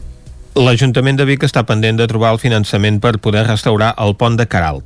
El projecte està valorat en 130.000 euros. Mentrestant, operaris de la brigada hi estan fent una actuació d'urgència perquè la setmana passada van caure una desena de dovelles d'un dels arcs. Comencen les obres del pont romànic de Caralt pel desprendiment d'una fila d'una desena de dovelles de pedra en un dels arcs. Les mateixes dovelles ja havien estat reparades després de la Guerra Civil.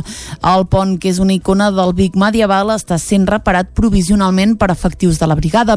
Els serveis municipals estan treballant perquè no hi hagi cap perill pel pont i els veïns, mentre que l'Ajuntament es manté a l'espera d'aconseguir una subvenció per un projecte de rehabilitació de tot l'art del pont.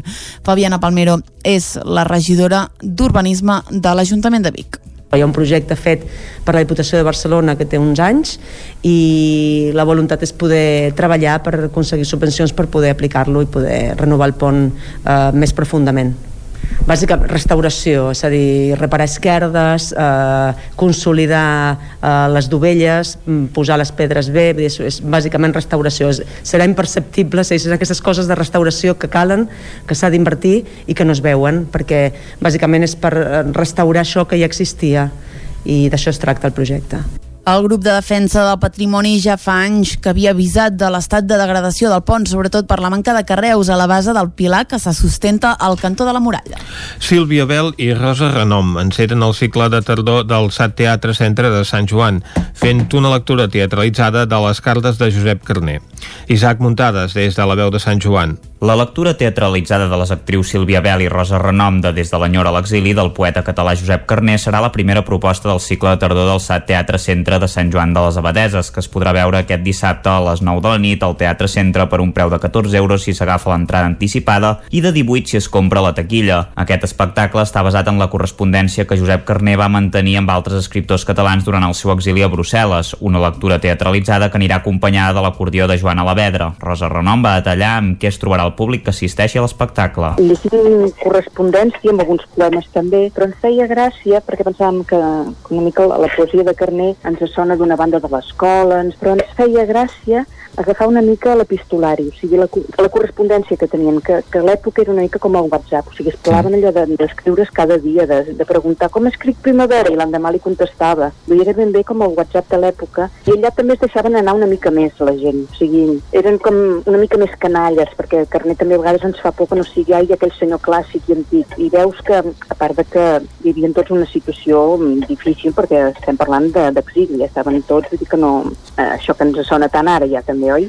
I a, i a Bèlgica, ja veus. Vull dir que, que estaven a fora, però estaven, estaven molt en contacte tots, era una cosa molt internacional. Com que hi havia molta correspondència, l'han hagut de seleccionar, tot i que Renom va dir que n'hi havia una part important amb la també escriptora catalana Mercè Rodoreda, ja que Carné va ser qui la va introduir en el món de la poesia. En aquestes cartes s'hi poden llegir baralles i discussions per coses tan senzilles com pel fet de com s'ha d'escriure una paraula o per si porta accent. Renom també va detallar que els ha costat molt fer aquest espectacle per la Covid-19. No, no, no, el vam estrenar a Sabadell i després una mica es va parar, es va parar perquè també era l'estiu, perquè les coses han anat arrencant molt lentament d'alguna manera i ara és quan una mica ens hi hem tornat a posar com en sèrio, el que passa que també ara com que arrenca tot, que està molt bé però arrenca tot de cop, ara venen com totes les feines de cop i hem de com compaginar-ho i és una mica difícil, que està molt bé eh? El pròxim espectacle del cicle de tardor serà el dia 7 de novembre amb cançons i versions de l'actriu i cantant Helena Gadel.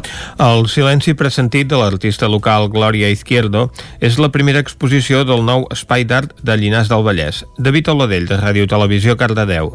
El passat dissabte 3 d'octubre va tenir lloc la inauguració a porta tancada, donada la situació de la Covid-19, de l'Espai d'Art Llinars del Vallès, un nou centre d'exposicions ubicat a l'antic ambulatori centrat en un inici a l'art contemporani, però amb l'opció d'abarcar també exposicions d'àmbit local no contemporànies. L'artista local Gloria Izquierdo ha inaugurat el nou espai d'art amb una exposició de pintura de gran bellesa, on els paisatges abstractes cerquen l'equilibri entre els colors i les formes, la majoria amb tons blancs, negres i la gamma de grisos. L'exposició ja ha quedat oberta al públic des del dia 4 d'octubre i es pot visitar fins al 22 de novembre de dijous a diumenge.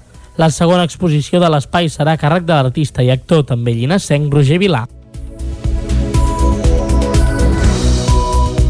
Fins aquí el repàs a l'actualitat de les comarques del Vallès Oriental, Osona, el Ripollès i el Moianès. Ara nosaltres anem camí de la música i recuperarem un clàssic musical.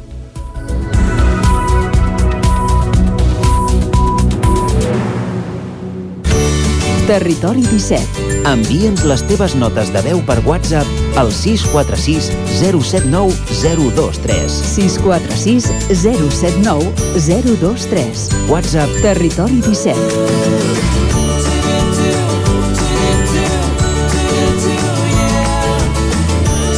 Territori 17.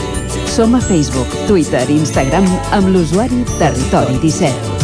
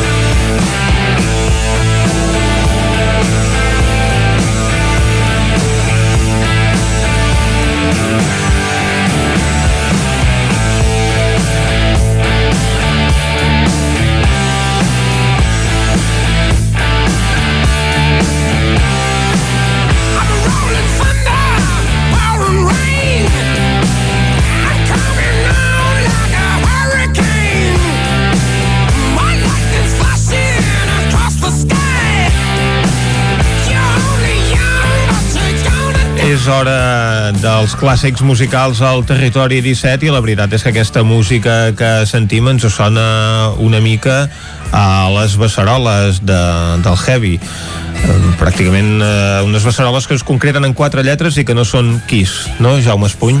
Bon dia. Uh, són ACDC estem sentint les campanes de l'infern uh Mhm. -huh. bueno, les hem sentit bé uh, és el, el disc Back in Black uh Mhm. -huh. Uh, de fa uh, va sortir fa 40 anys doncs ja fa molt temps Sí, eh? fa molt temps. com es diu? És, El 1980. sí, el 1980 Uh -huh. uh, sí és, i és el primer que, el que van canviar de... hi havia un cantant nou, el Brian Johnson uh -huh. perquè l'anterior en Bon Scott s'havia mort amb problemes de, del, per alcohol uh -huh. però els dos tenien la veu força similar eh, també els portem aquí, a part de fer 40 anys aquest disc, que és el més famós potser que tenen, els portem aquí perquè després d'estar més o menys 5 anys mig desapareguts, uh -huh. doncs tornen amb un nou disc. Que Què dius sembla, ara? Sí, O sigui, un nou disc. de- AC/DC torna AC/DC, amb un nou disc. Eh, amb un nou disc i més o menys, em sembla que es, van dient xifres, l'última que m'han dit és el 13, em sembla. Eh, també havia llegit el 26 han fet un vídeo així de, de promoció una mica ambigu. Mira, si hagués estat el 13 són d'octubre seria dimarts i 13, sí, que aniria prou bé per un grup com aquest. ara sentirem una altra cançó de, uh -huh. de bandes. D'aquest disc? sí. Uh, aquesta que és una mica sobre el sexe Let me put my love into you. Vull posar el meu amor dintre teu.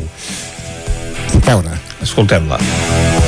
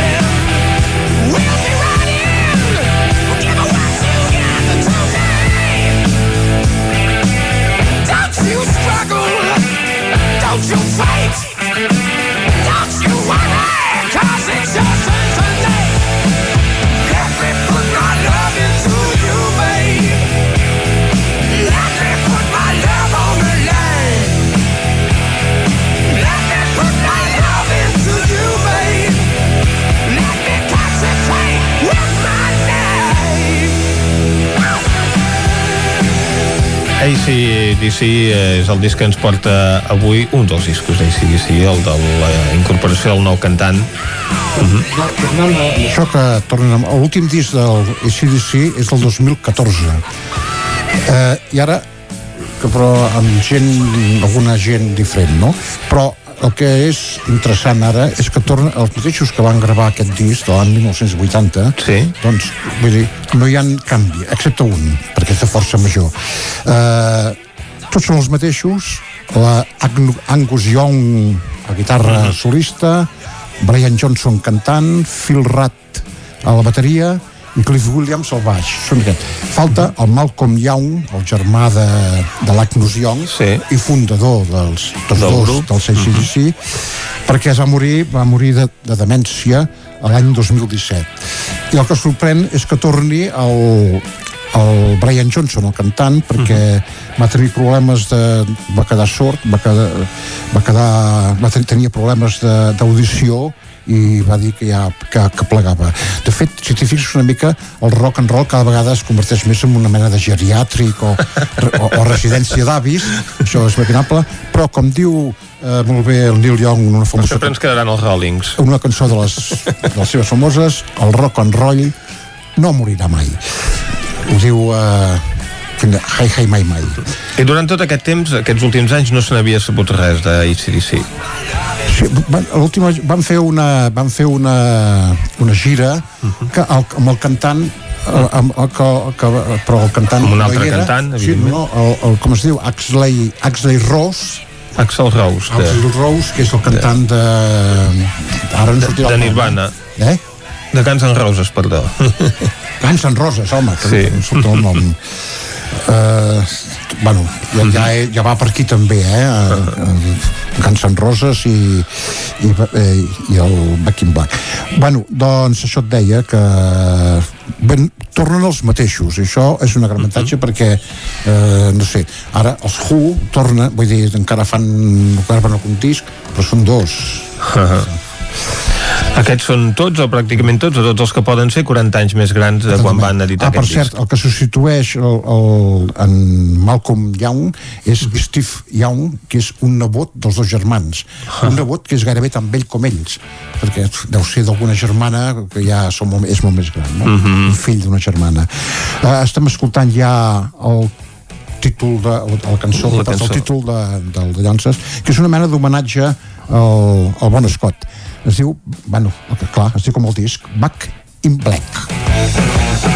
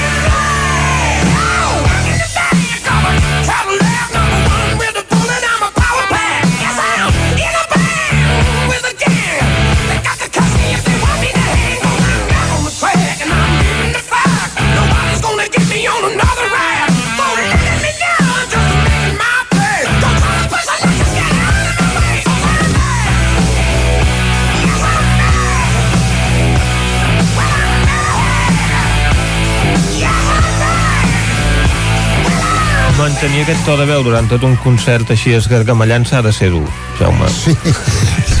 Sí, a mi no és que m'entusiasmi, però aquests riffs pesats que tenen eh, repetitius eh, m'agrada, eh? M'agrada. de, de tot això del heavy... Bueno, aquests són del principi una mica del heavy... Exacte. No, bueno, no, no són del principi ni molt menys. No, ara estava... Però, però jo diria que és una, una, una branca. Home, però els van donar una, una dimensió universal. Sí, sí, sí, amb aquest disc, sobretot. Uh, fins, a, fins al, al disc anterior, per mi els dos millors discos són aquest i l'anterior, de l'any 79, uh, Highway to Hell, Mm -hmm. autopista cap a l'infern, que els agrada molt parlar de l'infern, uh, que va mm, que va ser el primer que va triomfar.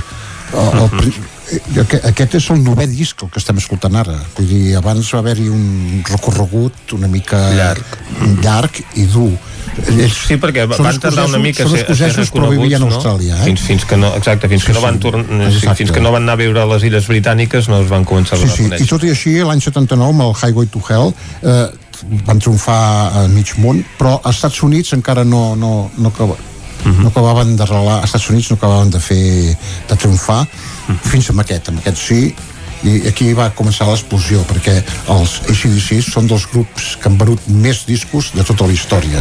I samarretes probablement també, perquè també, sí. també, també van crear també una, una moda, no? Exactament, i aquest llampec del mig ACDC doncs queda, queda molt bé aquestes guitarres tot. Uh, hem de parlar del, del Agnus Angus. Sí, sí, sempre, sempre surt Agnus. Ang, Angus Young que és el, el, ara sí que ja és completament el líder sí, bueno, sempre ha sigut sí. que és el guitarra el, el responsable d'aquests riffs de guitarra. El dels pantalons curts que, I que és el que és això, la gent és això. coneix. Bueno, l'uniforme. A veure, un grup de heavy metal que surt un nano amb, amb un senyor, el, un guitarrista amb pantalons curts, uniforme d'una escola Eton de, sí. de, de senyors, de, de llonses, amb corbata costa, jo pense, penso que costava una mica d'acceptar però i encara continua fent continua fent molt més arrugat, però continua fent d'escolar. Uh, escoltem una cançó que aquest, de, la següent també m'agrada molt aquesta, You Shook Me All Night Long. She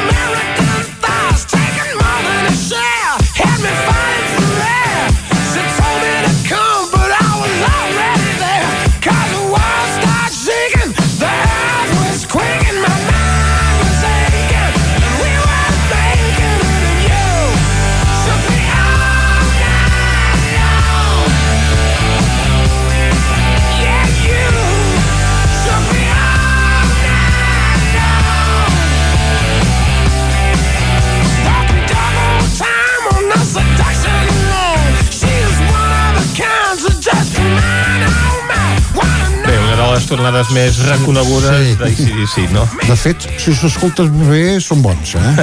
si si s'escoltes bé... Llàstima són- que cridin tant, no?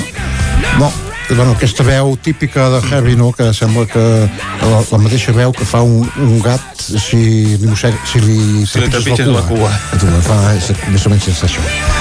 Eh, eh, so- ara ja ens acomiadarem, sí, sí, amb Acabem. una, amb una nova cançó o continuem amb... No. Acabarem amb una nova una cançó, cançó, efectivament. eh, que és, és, aquesta sí que és, jo diria que és clarament un homenatge al bon Scott, que li agradava molt veure, eh, que es diu Have a Drink on Me, més o, me- que, que vol dir més o menys beveu una copa per mi. Doncs ens ho prenem al peu de la lletra. Sí, ara portarem aquí un carajillo o un cubata i endavant.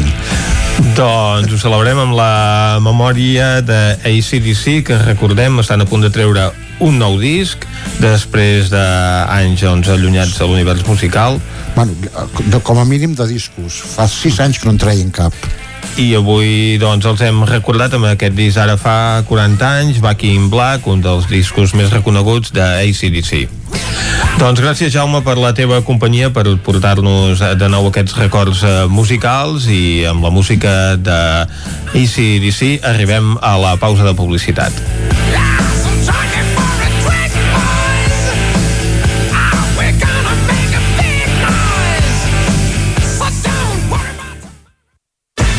El nou FM, la ràdio de casa, al 92.8. Pintures Xavi Soler. Tot en pintures. Façanes, obra nova, rehabilitacions interiors de vivenda, estucs, microciments, pintura industrial, motllures, terres vinílics... Pintures Xavi Soler. Ens agrada assessorar-vos i fer de casa vostra el millor lloc del món. Ens trobareu a Manlleu, al carrer Sogorb 113, telèfon 616 15 87 33 o 93 851 3504. Et costa l'escola? Vine al Magí. T'oferim atenció personalitzada en grups reduïts per descobrir i superar els obstacles per aprendre. Treballarem l'organització, les tècniques d'estudi i diferents estratègies en nivell emocional per encarar les dificultats. Som a Vic, al carrer Bisbe Morgades 12, telèfon 693 75 05 07 o també ens pots visitar al magi.cat. Inscripcions obertes. I si aquest any fem el sopar d'empresa al racó de León? Mmm, podrem triar entre confitado de pato con salsa de ciruelas y manzana en compota o cochinillo asado a la castellana con patatas teja i fer un aperitiu amb gambes i navalles. I de segon, filetes de lenguado rellenos de langostinos i musselina de frutos secos. I tot acompanyat del millor celler. El sopar d'empresa, al racó de León. Carrer Torelló 35 de Vic. Telèfon 93 889 1950. Som especialistes en cargols a la llauna. Vine a tastar-los al racó de León. El nou FM, la ràdio de casa, al 92.8.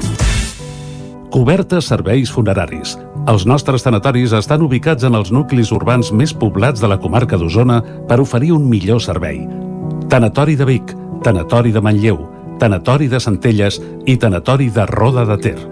Sabem que són moments difícils i per això el nostre compromís és atendre-us en tot moment amb un tracte humà, sensible i respectuós. Cobertes serveis funeraris.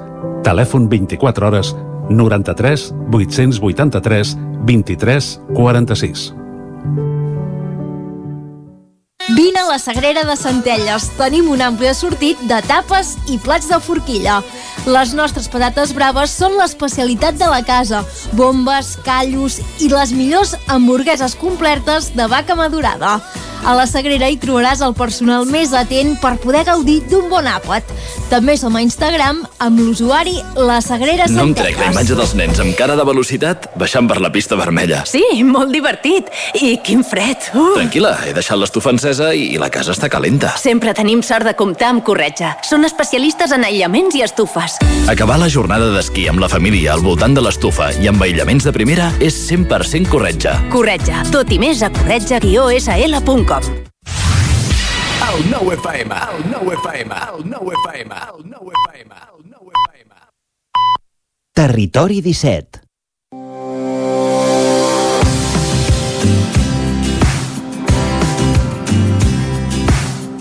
Avui visitem la capital de la comarca, Cervera. El perfil modernista de la capital de la Segarra no us ha de fer perdre de vista la importància del romànic i del neoclàssic. La col·legiata de Santa Maria i la universitat acaparen les mirades, però no són els únics tresors de la vila. Cervera es descobreix a poc a poc i sense adonar-te'n te n'enamores. Terra endins, poc t'esperes trobar tantes pinzellades de la història. Amb només 10.000 habitants té 16 esglésies que van del romànic al neoclàssic.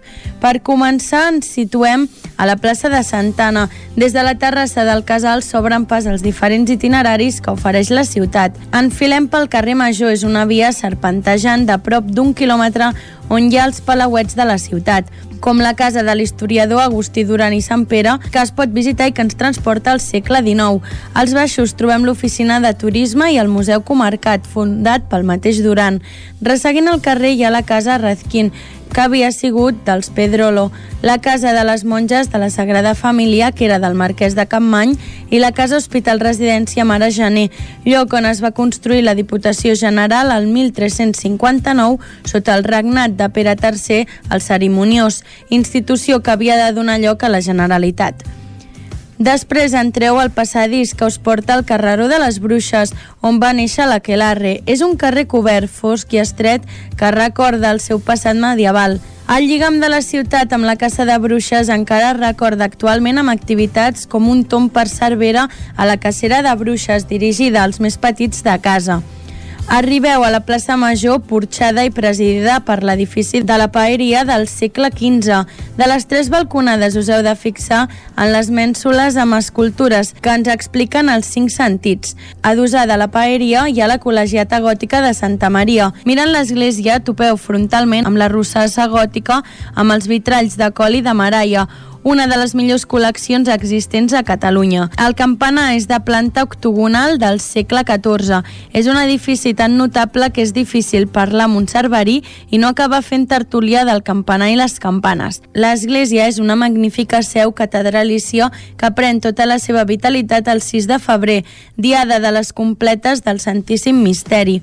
Enfileu pel barri de Sant Francesc. És un itinerari a peu de muralles que us porta fins a la barbacana de Pere III i el monument a la Generalitat que va aixecar fa 26 anys Josep Maria Subirats. Des d'aquí la mirada us transporta per la ribera del riu Ondara, una orografia lleument ondulada que explica la Sagarra i l'adaptació de la seva gent. Sortint de la barbacana trobeu el restaurant Gran Cafè. L'edifici conserva encara el perfil i part de l'ornamentació del gran casal que havia estat fa 30 anys. És recomanable decidir-se pel menú del dia. Tenen algunes propostes d'elaboració tradicional que van des dels estofats i l'arròs fins als peus de porc.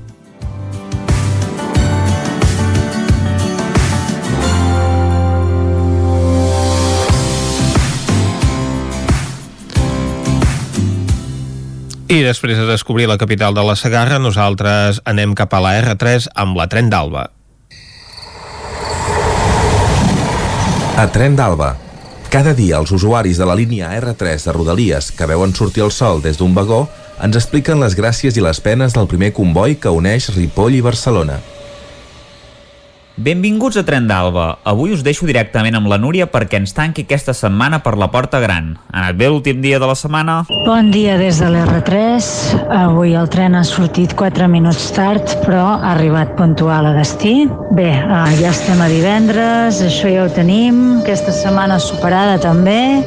El viatge ha sigut tranquil, també. Um, bueno, mira, de curiositat, que hi havia en Xavi Verdaguer preparant alguna cosa amb el portàtil i m'ha fet gràcia trobar una persona famosa, almenys per mi, que estava fent feina i que preparava alguna cosa que pot ser que vegi després en un vídeo o en alguna conferència. A davant meu ha assegut una noia que estava estudiant, anava parlant en veu alta, amb la mascareta, ha estat com estrany de sentir-la, i després eh, m'he adonat que estava assajant per alguna cosa de teatre. Era un guió, jo anava repassant del paper. A part d'això, els nois del futbol de cada dia també m'han fet companyia.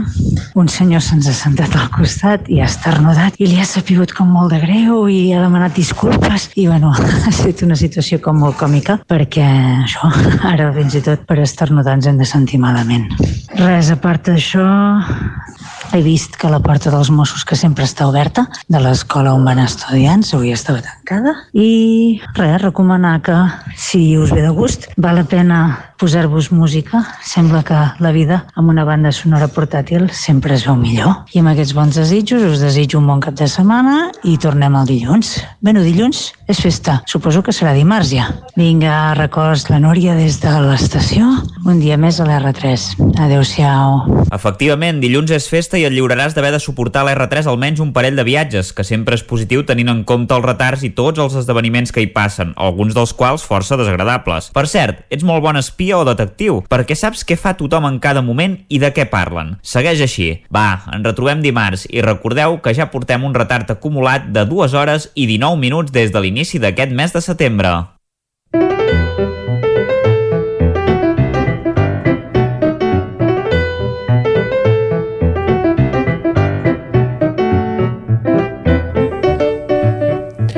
Passen 6 minuts a dos quarts de 12, entrem en la recta final del programa d'avui, en la recta final d'aquesta setmana, i ho fem com cada divendres amb la Foc Lent, aquest espai de cuina i gastronomia que ens acompanya els divendres al Territori 17, avui per parlar-vos doncs, d'un producte selecte de temporada, un producte d'aquest temps com és la patata del bufet.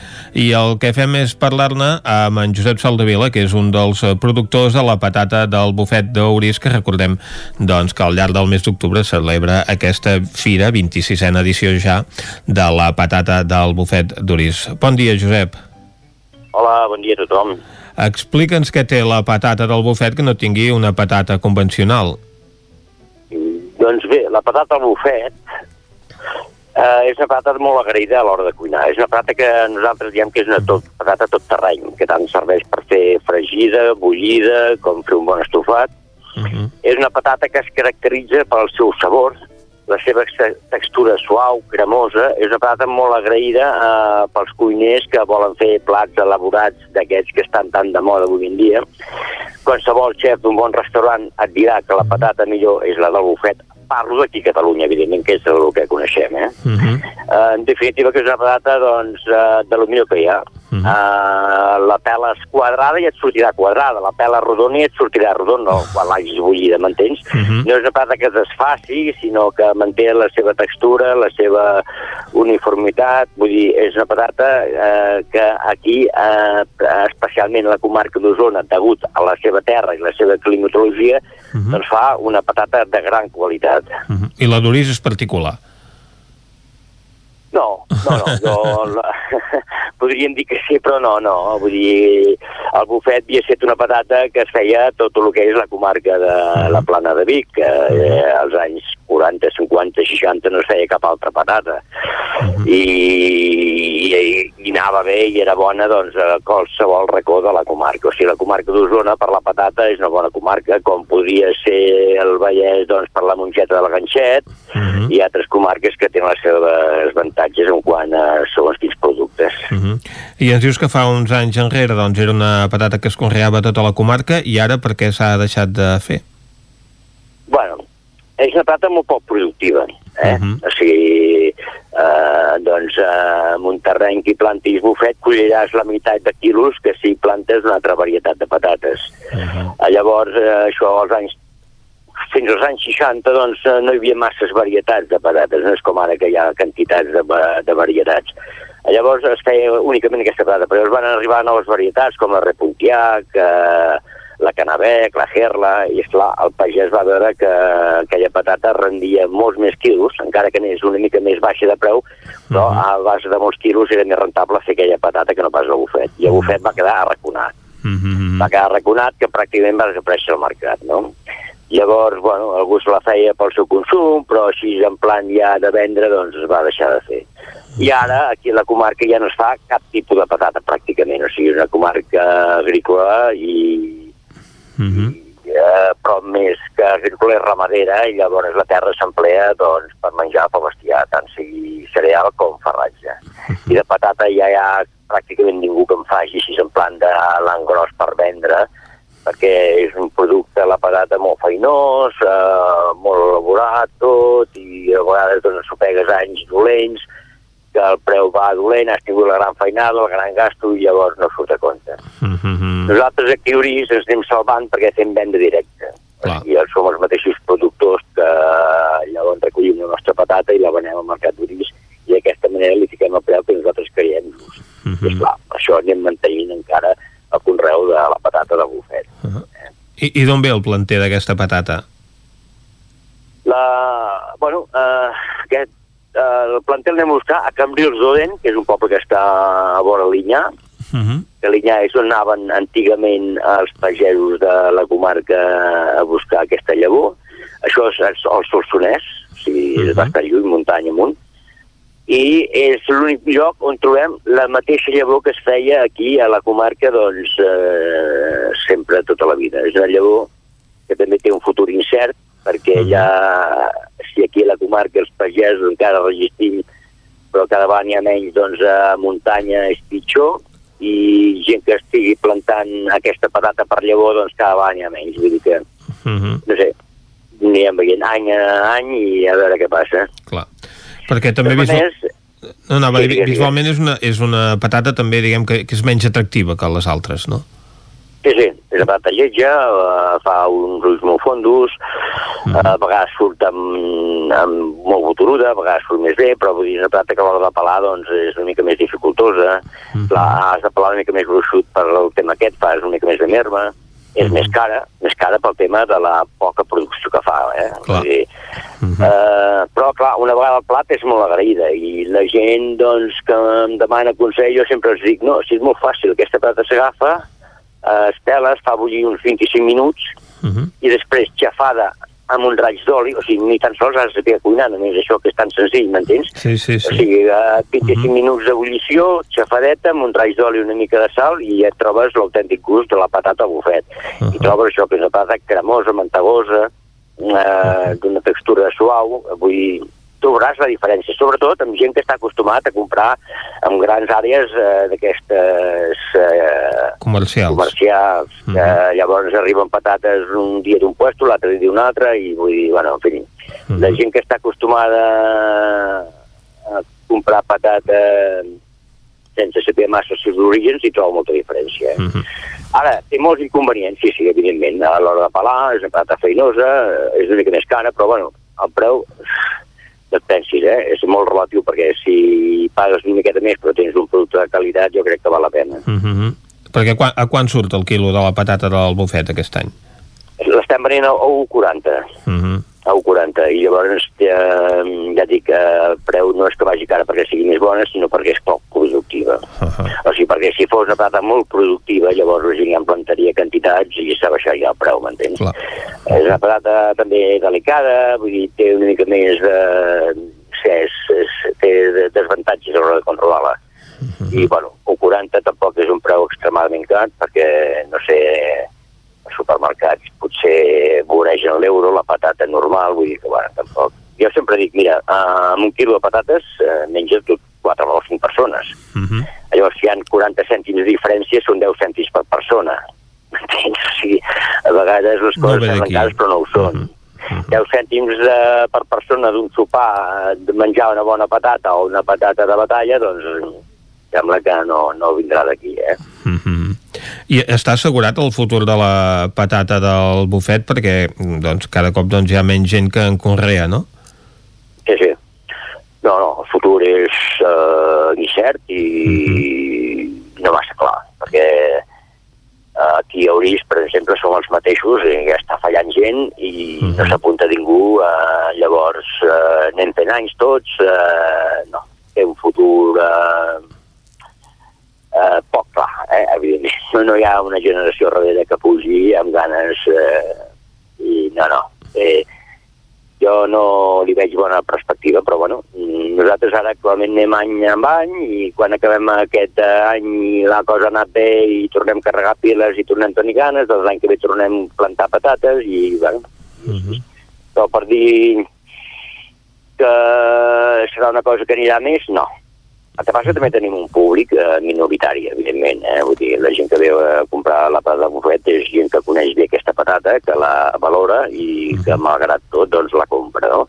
Però al principi que vam fer el mercat, doncs eh, el bufet es va tornar a ficar molt de moda i va venir moltíssima, moltíssima gent, però vull dir, llavors d'ençà la crisi o el que fos, doncs eh, va baixar, eh? o molta gent potser perquè, bueno, diuen, esclar, de pelar o no sé què, sé què més, i ara queden els autèntics, o sigui, la gent que valora realment doncs, el que és un bon producte. Eh? Gent, eh, ve un tipus de gent doncs, que li agraden els productes de proximitat, els de quilòmetre zero que parlem, que valoren doncs, la qualitat per damunt de tot.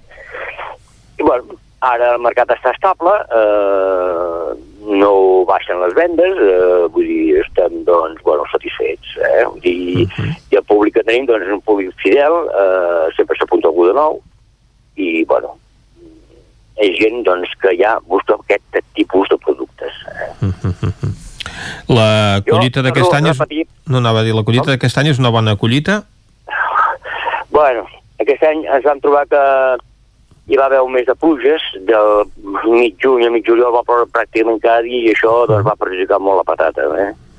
eh, N'hem deixat molt al camp, de, de que s'ha fet malbé, s'ha podrit el camp de tanta aigua. Després, quan va parar de ploure, va venir molta calor i molta secada, vull dir que, bueno, mm, sigui, bueno, està bé la collita, però vull dir, ha estat un any una mica punyetero en aquest sentit, perquè la patata vol aigua, però amb moderació. O sigui, molts camps, eh, degut a tanta aigua, van quedar negats. Llavors, el camp que queda negat, la patata es podreix, o qualsevol producte que hi hagi es podreix. Vull dir, llavors, eh, bueno, ha estat un any... Va, la collita ha estat bé, però n'hi hagués pogut haver-hi més. Eh? La qualitat, la qualitat és la de sempre, evidentment, la, la que és bona i s'ha salvat i no s'ha podrit, doncs té la mateixa qualitat. I, i no, bueno, anar tirant endavant. Vull dir, el pagès, el que té això, que depenem molt del temps. I si plou massa, malament. Si plou poc, també. Vull dir, bueno, en fi, estem així. Eh? I nosaltres aquesta plata la fem sempre en terreny de secar, o sigui, perquè considerem que si plou eh, els moments adequats ja en té prou, no cal anar alargant i, bueno, i per això surt un producte així de qualitat. Eh? Molt bé, Josep, doncs... Jo, no, digues, jo digues. torno a repetir, Mhm. eh, perquè quedi clar, que vull dir, no cal ser un gran cuiner per fer aquesta patata, tan sols Mhm. això que us he dit abans, un pelar-la amb paciència, us assenteu, la peleu, 20 minuts d'ebullició, xafadeta amb un raig d'oli, una mica de sal, i ja sabreu què és la patata bufet. Vull dir, és l'últim consell que podria donar en quant eh, a, les, a les qualitats d'aquesta patata. Vull dir, jo us puc fer molta propaganda, us puc dir moltes coses, però al final és el paladar de cada un que diu si és bona o no és bona. O sigui, aquesta prova tan senzilla que tothom pot fer, doncs eh, podreu degustar el que és la patata bufet. Vaja, que bullit és la millor manera de menjar-la. No, no. Uh, és una patata que amb rosso també queda bé, amb estofat també queda bé, però uh, o sigui, patata fregida també queda molt bona, però uh, o sigui, si és bullida i xafada trobes realment el gust de la patata. O sigui, amb un estofat, doncs, bueno, barrejat amb la carn o amb el que sigui, però així tal qual, eh, trobes una patata doncs, gustosa, eh, i trobes el que és la patata. Eh? O sigui, és veritat eh, que nosaltres diem tot terreny, tant serveix per una cosa com per una altra. Vull dir que, no, eh, la patata... Però, però ja et dic, per trobar allò, el gust autèntic, és això. Eh? Una, i, I és una patata que no se't desfarà, encara que bullir molta estona no es desfà, que moltes dones es troben que fan bullir patates i se'ls desfà, no, no es couen, vull dir, no, no, això no, això no s'hi trobaran.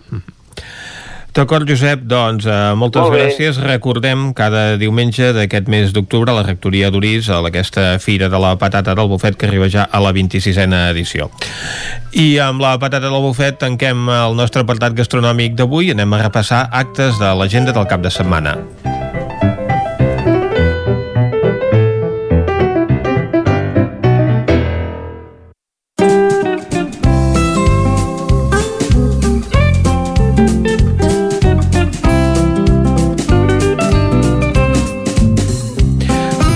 Doncs, a part de la Fira de la Patata del Bufet d'Uris, també tenim altres propostes per aquest eh, cap de setmana. Comencem amb les que ens porta des de Ràdio Cardedeu, l'Òscar Muñoz. Bon dia. Bon dia, un altre cop. Comencem les activitats del Festival de Cinema de Terror Fantàstic de Cardedeu. Mm. Avui, divendres 9 d'octubre, a les 7, la inauguració de l'exposició d'artistes multidisciplin... multidisciplinaris de Cardedeu Terror. A Sant Corneli, l'exposició es podrà visitar fins l'1 de novembre. Diem que comencem les activitats ja perquè durant aquests mesos parlarem bastant d'aquest festival i per apuntar les pel·lícules que sortiran. Doncs ho anirem seguint. Dissabte a les 11 a Llinars. Bueno, a Llinars no, a través d'Instagram, de l'Instagram Club Socials Fundació Clar, la classe esportiva en, en directe que vam dir que en vam parlar l'organitzava la Fundació. Exacte que organitzava la Fundació LAR amb el suport de, dels professionals i els usuaris del servei Club Social de Torrassa i el Club Social Portalet. Dissabte a Granollers. A Granollers aquest cap de setmana hi ha moltes fires. Uh -huh. Els encants solidaris de l'Associació Protectora d'Animals de Granollers, a la plaça Lluís Perpinyà, al centre de Granollers, just, on podreu trobar des de CDs, em, joguines, roba, articles de decoració i moltes coses a uns preus increïbles per ajudar els peluts de la protectora. Una miqueta més cap a baix, a la plaça Josep Maluquer i Salvador, la Fira dels Brocanters. Durant tot el dia, la petita fira d'anti- d'antiquaris, brocanters i col·leccionistes, eh, on s'hi podrà trobar mobiliari, objectes de regal, monedes, segells, etc. Aquesta fira ha, des, ha desvingut un espai de compra-venda, ja que sovint els mateixos brocanters, coneixedors dels valors de les coses velles de casa, compren articles als visitants també de la fira. Així que, si voleu comprar vendre articles antics, doncs a les 9 comença la fira de brocanters. Uh -huh. I a la plaça de la Porxada, Fi- Fira de les Golfes, és on es troba l'organitza l'Associació de Veïns de, de Granollers Centre i es celebra doncs, per treure tot el que tenim a les golfes i poder vendre o treure profit. I fins aquí seria el meu repàs. de Molt bé. Doncs d'acord, Òscar, moltes gràcies. Anem a una corinenca, Caral Campàs. Hola, bon dia. Bon dia de nou. Mira, si et sembla, comencem per Vigues i Riells. Uh -huh. Doncs la biblioteca eh, organitza un taller infantil que porta per nom Els colors que ens emocionen. Això serà dissabte mm, de 10 a dos quarts de 12. Eh, és un taller que, que no és presencial, sinó que s'emet a través de la plataforma Zoom i explicant que en aquest taller online parlaran dels colors, de quines emocions en generen, les combinacions i també com utilitzar-los per poder mm, transmetre el que es vulgui a la gent, sobretot a través de històries il·lustrades i dibuixos. Llavors, com a requisits cal, òbviament, un ordinador, una tauleta i connexió a internet, i és un taller destinat a infants a partir de, de 9 anys. També comenten que els infants hi han de participar acompanyats dels seus progenitors. Um, I bé, és una activitat gratuïta amb places limitades que s'assignaran per or- ordre d'inscripció i qui vulgui es pot inscriure a través del web de l'Ajuntament de Vigues i Riells.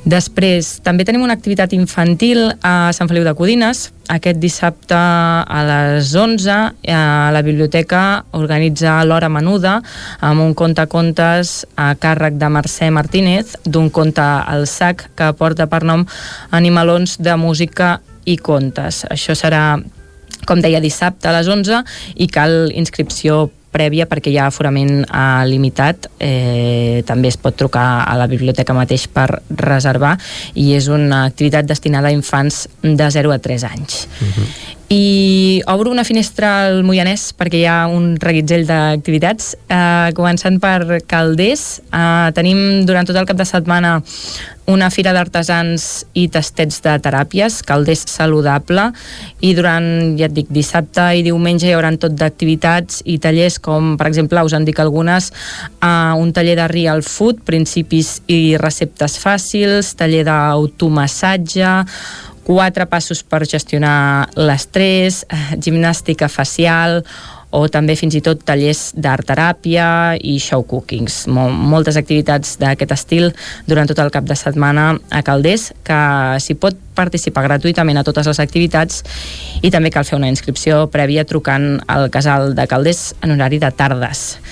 I no deixo el Moianès, tenim eh, a Plec del Remei a l'ermita de mm, Castellterçol, diumenge a les 11 del matí comenten que enguany en comptes d'Eucaristia celebraran litúrgia de la paraula de manera que no hi haurà comunió.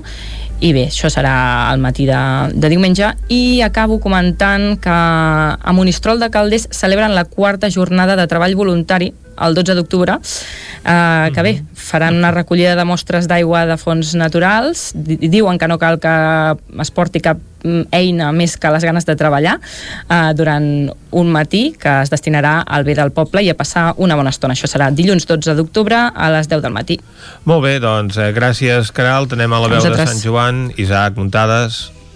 Bon dia, Vicenç. Bon dia. Mireu, aquest us proposo do, dues coses per fer. Una aquest uh -huh. cap de setmana amb l'Associació Excursionista de Planoles, que celebrarà la setzena edició de la Diada del Bolet. Hi ha diverses activitats, com la que es fa, per exemple, dissabte a les 9 del matí, en què s'anirà, doncs, la, la gent podrà anar amb un micòleg a caçar bolets, i en acabat doncs, es farà una posada en comú i s'explicaran doncs, les característiques de les espècies més representatives de, dels bolets. Uh, I bé, la inscripció e- és obligatòria en aquest cas, i després a la sala del casino, dos quarts de cinc de la tarda, hi haurà una conferència a càrrec del micòleg Daniel Siscart i a les 7 una sessió del Festival de Cinema Terra Gullut i diumenge durant tot el dia hi haurà mercat de vins, olis i bolets. I per acabar, el pròxim dijous 15 d'octubre, ja ens n'anem, se celebrarà la Fira de Santa Teresa i Fira Catalana de l'Ovella, que se celebra a Ripoll des de l'any 1843.